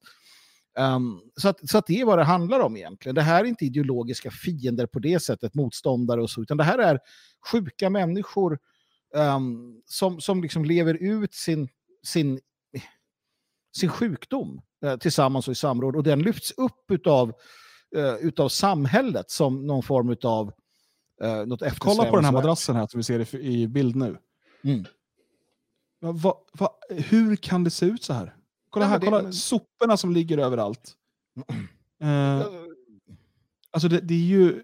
Så, så, som så sagt, jag, jag har varit inne i pundarkvartar, jag har varit inne i liksom hos hoarders, jag har varit inne i dödsbon.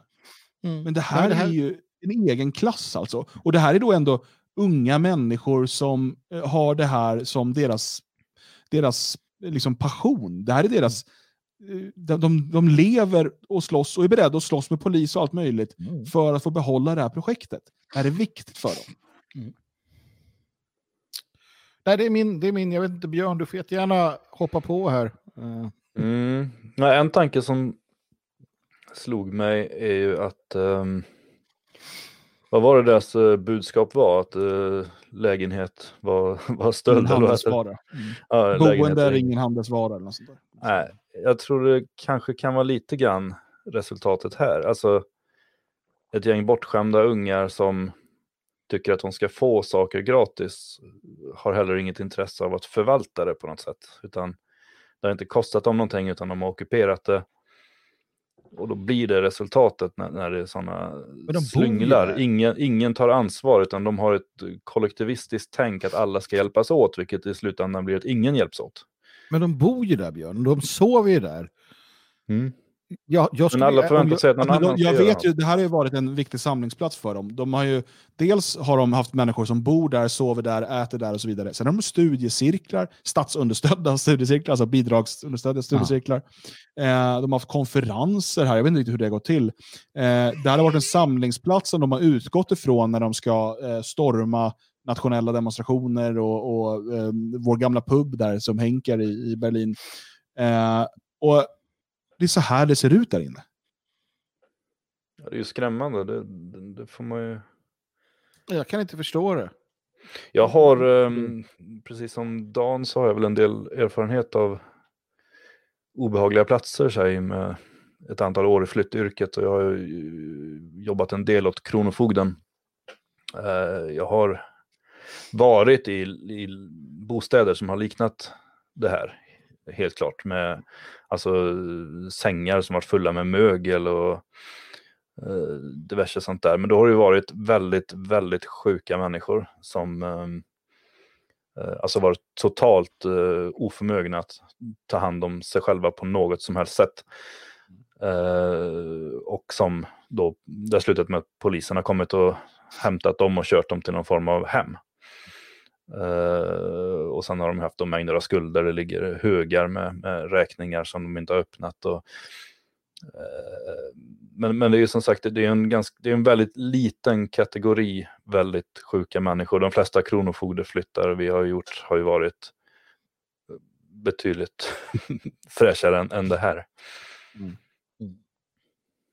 Ja. Men kan man också säga att för mig blir det ju man ska veta att människor som har rört sig i de här lokalerna, um, jag, är rätt säker på att det finns människor som har rört sig i de här lokalerna som nu sitter i typ förbundsdagen. För det är människor i liksom, eh, vänstern och sossarnas och Miljöpartiets ungdomsförbund i Tyskland eh, so, som hänger här. Eh, och som sen då blir, blir politiker. Och om man behandlar sitt eget boende och liksom sitt, sitt um, gemenskapshus på det här sättet, hur kommer man då behandla ett land? Ja, nej, men det är absolut. Det, den, det, det är helt klart så. Och det är där också vi, vi har en mycket, mycket djupare konflikt. Och det är mellan kaos och mellan ordning. Och det är någonting som har Alltså det är någonting som är, är verksamt i universum. Krafter som drar, andra krafter som trycker ut. Uh, och du har liksom den här uh, balansen däremellan. Uh, vissa vill ju hävda att det är en evig sån där kamp. Uh, och det går att diskutera rent filosofiskt kanske. Men, men sanningen är ju den att, att det hela tiden finns en, en, en sån här kaos. en kaos, ett kaos som, som sprider sig. De här människorna är uppenbarligen dess dess eh, eh, företrädare. Och, mm. och, det är klart att de tar med sig det in i, kanske inte att de, att de liksom skiter ner, skitar ner på det sättet i, i sitt rum i parlamentet och så, men de kommer härifrån som du säger. Och det, det här är det som är deras skäl. Alltså, det, så här är det, väldigt enkelt. Väldigt mycket av den du är, hur du ser ut, alltså, och vad du hur du har det kring dig, hur du tar hand om din bil eller andra saker. Allt sånt där, det speglar ju någonting inom dig. Mm. Bäddar du sängen eller inte? Alltså till och med idag lever vi i en tid då, då Jordan Peterson blir, blir miljonär på att säga åt folk att bädda sängen. Det, det, jag kan liksom inte sluta Men när man ser det här förstår man ju varför vänstern hatar honom. Precis. Nej men, uh, det här är deras inre uttryckt i det yttre. Och det gör dem... Uh, det, det är väldigt tydligt hur de är. Ja, och eh, jag tycker att... Det kan ju ändå inte ha varit någon bra rekryteringsplats, måste man ju tänka. Vad fan? Första gången man ska gå på en studiecirkel, liksom, lära sig om uh, uh, Engels tankar eller någonting, och, och, komma dit. Och så bara, ja, här samlas vi. Vill ni ha bullar? Bara, Nej. Engels hade ju gått därifrån. Ja.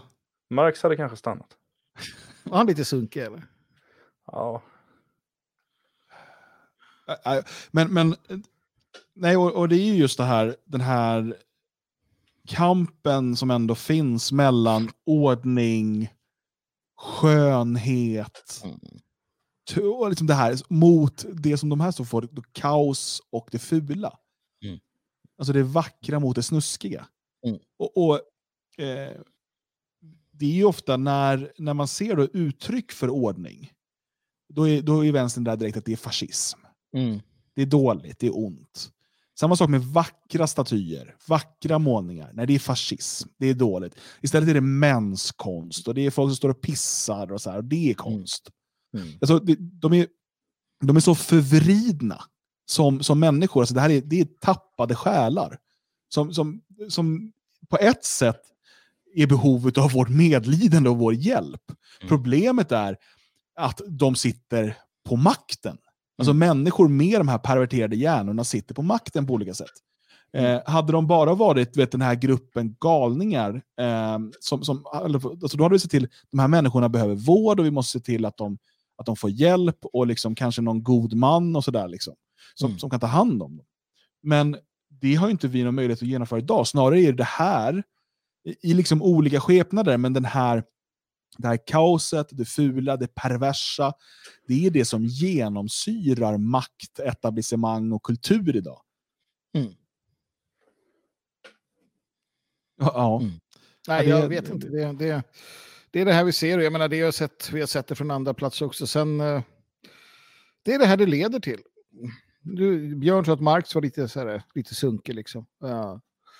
Och det är väl den, den, den sista generationen vänsterblivna som spårar ur åt alla håll och kanter. Jag menar, det är som sagt en gammal jag, arbetare. Jag, jag, alltså, jag, vet inte, det är ju någonting annat här. För att eh, det är ju inte så att gammelkommunisterna, stalinisterna och så vidare i någon nej, större utsträckning levde så här. Nej, nej. För alltså, fråga Frank Både, va? han hade ju gått in i en eldkastare. Han hade, ju, han hade ju velat avrätta alla de här, Stalin också såklart. Så, så här, vad fan är det jävla, jävla pack. Så, så det, är ju, det är ju när, eh, när socialismen eh, när socialismen eh, och marxismen går ifrån den här eh, ekonomiska eh, och, och statsskicksteorin då till kulturmarxismen. När den mm. sätter sig på allvar på, på själen och, och, och kulturen.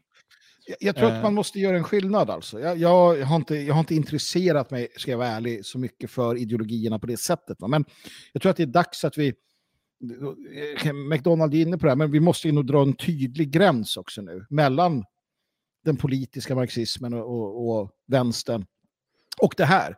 Jag såg senast idag hur någon, ännu en sån här röst för en nationalistisk vänster i Sverige. Så här, vi måste, snälla, vi måste, vi måste göra oss av med alla de här. Vi måste ha en, en, en svensk patriotisk vänsterrörelse. Eh, gamla kommunister, riktiga sådana här. Eh, och, och, och det där växer ju. Och för att förstå nu vad som händer i vänstern så måste vi förstå um, varför Frank Både lämnar sitt eget parti, varför de här nya rörelserna kommer. För, det, för de är ju i sin tur dödliga fiender till det här som vi ser spelas upp framför oss. Jo, men samtidigt så är ju det här ändå en naturlig utveckling. Alltså det är ju, Jo, jo. vi, vi har ju, alltså vänstern har ju alltid älskat förstörelse och vandalisering. Alltså Mm. ha sönder saker. Man har liksom skapat modern konst. Man har lyft fram jazz. Det här är ju jazz och modern konst i levande form. Det, det är så här det ser ut. Det, det är det här det blir. Uh, sen finns det säkert en enstaka modern konst och enstaka jazz med någon slags tanke bakom. Men väldigt ofta så är det ju bara lusten att förfula och förstöra. Mm. Mm. Eh, och, och det är väl klart att man lever så här då. Eh, efter några generationer av när det har fått utvecklas framåt på olika sätt så blir ju det resultatet. Och, men det är ju viktigt att vi tar det. Alltså, för nu ser vi, och jag är övertygad, vi kommer få se en renässans av en, en vänsternationalistisk eh, liksom, politisk rörelse. Det växer i alla, alla vänsterfraktioner dessutom. En, en, Mm. en sund tanke som har börjat slå rot. Alltså såväl hos gamla kommunister som hos gamla trotskister som hos anarkister. Alltså alla de här olika Mm. falangerna börjar ju dyka upp små. Tyvärr så är de ju som vanligt lite sekteristiska så de kommer ju bli osams med varandra också. Jo, jo. Men, Men, men just, kan, men just nu så är det, det, det, uppstår, det är någonting som håller på att uppstå. Ja. Men här måste vi då vara tydliga med också att, ehm, att det är det här som är, det är det här, de, de går ju tillbaka eh, årtionden och tänker att det här är vad vi ska ha. Men det kommer sluta här igen. Har du liberal demokrati, har du den här typen av, av idéer och tankar, har du allt det här, ja men då kommer vi hamna här igen. Och det är därför vi pratar om en tredje position och vi pratar om att, äh, att, att i grunden kontroll allt elit. Va? någonstans. Och det är det vi diskuterar. Uh, och det är det vi vill ha. Eller vi pratar vi snarare om att liksom, skapa någonting, låta det här falla som det vill och sen får vi se vad det blir av det. Liksom. Eh, för många kommer att attraheras av det, men det är det här det slutar med varje gång. Mm. Jo, nej, det, visst är det så. Och det är därför också det är så oerhört viktigt att den nationella oppositionen eller rörelsen, eller vad du kallar det för, inte blir bara en, en realpolitisk rörelse. Det är klart vi Ja. behöver realpolitik också, men vi får inte bara vara det.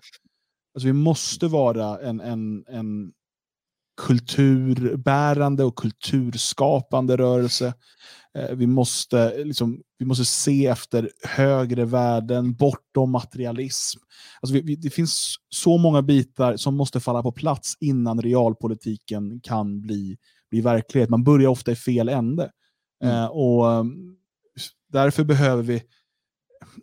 Alltså, saken är att det vi gör med det fria Sverige och Svenskarnas hus, det kommer inte attrahera några stora massor på kort tid. Det, det är ingenting vi tror. Eh, och, och det är ganska naturligt, för det är att vara en del av det fria Sverige och på allvar förstå vad det är vi vill göra och vad, vad vi säger. Det är något som kräver mycket av dig.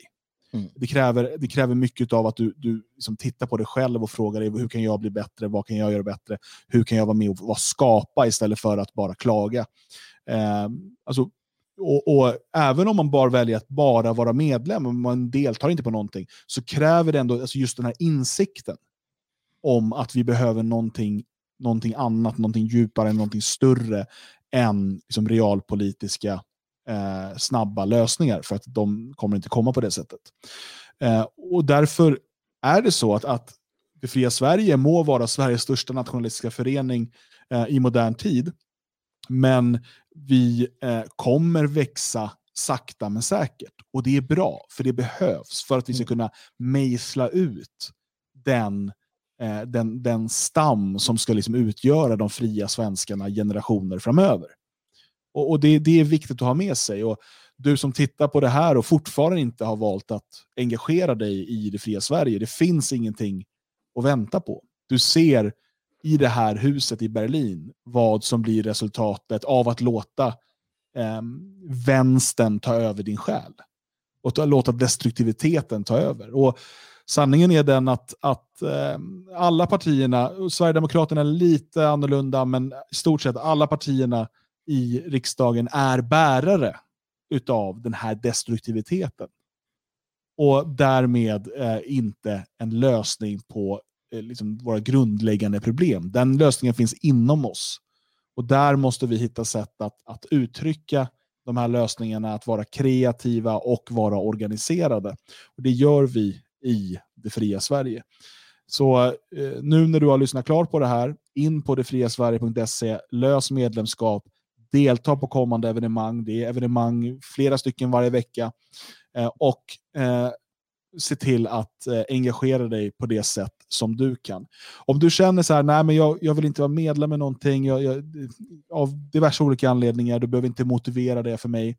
Men se då till att stödja ekonomiskt. Du har ett swishnummer här i bild, 123 510 5762. 123 510 5762. Eh, märk det med gåva Svegot. Du kan också gå in på detfriasverige.se, trycka på donera eh, och där kan du själv välja vad du tycker att pengarna ska gå till i verksamheten. Men om du väljer att inte engagera dig genom att delta på evenemang och, och vara med och driva föreningen på det sättet, då är det din plikt att istället bidra ekonomiskt så att fler får möjlighet att lägga tid och eh, all sin kraft på att driva vår sak framåt.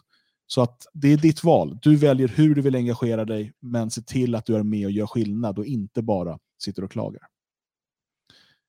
Hur ser veckan ut, Björn? Ja, det kommer eh, ett antal vardagar och sen kommer en helg. Mm.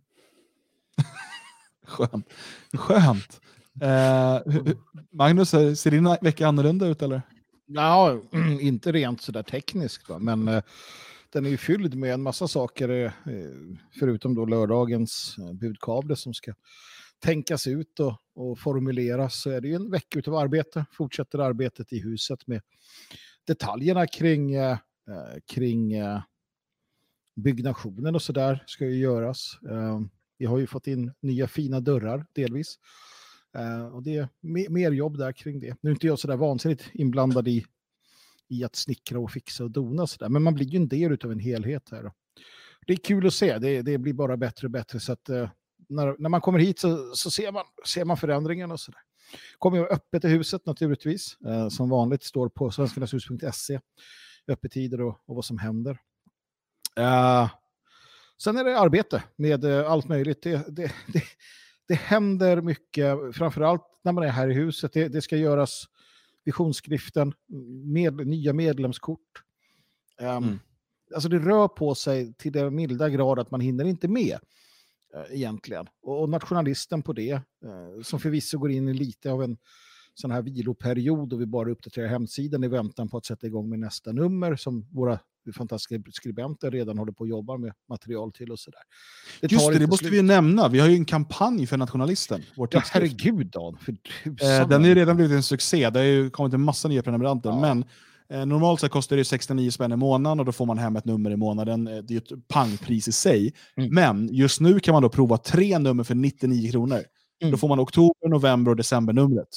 Eh, och eh, sen så då blir det en vanlig månadsprenumeration från och med mm. januari om man vill man kan ju välja att avbryta den, men det tror jag inte. När man har fått de där tre numren så vill man nog fortsätta få hem eh, den här fantastiska tidskriften. Mm. Så in på nationalisten.se. Du får också såklart tillgång som, till hela det digitala arkivet, så du kan läsa alla gamla artiklar och så. Mm. Nationalisten.se och där finns det eh, en, en sån här bild för att prova tre nummer för 99 spänn. Gör det, du sparar liksom mer än halva priset eh, genom att eh, prova på. Eh, mm. Och eh, se vad det är Magnus pratar om.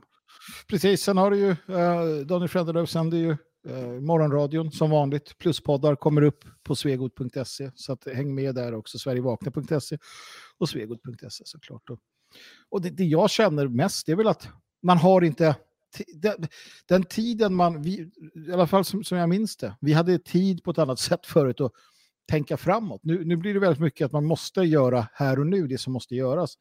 Jag vill ha lite mer tid att tänka framåt, men jag tror att vi kan eh, fixa det också, förstår du. Det är en del intressanta saker i, i eh, pipeline i huvudet på en annan. Så att eh, det Mm. kommer nog det också, ska ni se. Härligt. Själv då? Eh, jo, det är en, en vecka fylld av arbete. Ja, det, det är massa kul. Och nu får jag se, nu, det här domen kom mot Kotleba. Jag måste se vad, vad som händer från Europa Terra Nostra och sådär. Eh, mitt, mitt, arbete på europeisk nivå. Ehm, det eh, planeras redan nu eh, saker eh, som kanske också kommer involvera oss svenskar. Vi får se vad som, vad som kommer ut av det, men ni kommer få veta såklart. Ehm, och eh, snart ska jag till Sverige. Det ska bli, bli härligt. Eh, det blir minst en, minst en vecka uppe i huset. Eh, och eh, såklart är jag där då 31 oktober på till förfädernas minne. Eh, så att in och boka biljett eh, så kommer vi kunna ha den kvällen tillsammans. Nu tackar vi för er uppmärksamhet och eh, Kväll med Svegot är tillbaka nästa måndag 20.00. Eh, Men håll utkik på nationalisten.se, svegot.se, detfriasverige.se, alla.se, alla ska med.se. Eh, Och glöm inte att följa Det Fria Sverige på Telegram eh, så att vi kan nå dig med viktiga nyheter. Annars finns vi såklart också på Twitter, på Instagram och på Facebook. Med det, stort tack och på återhörande.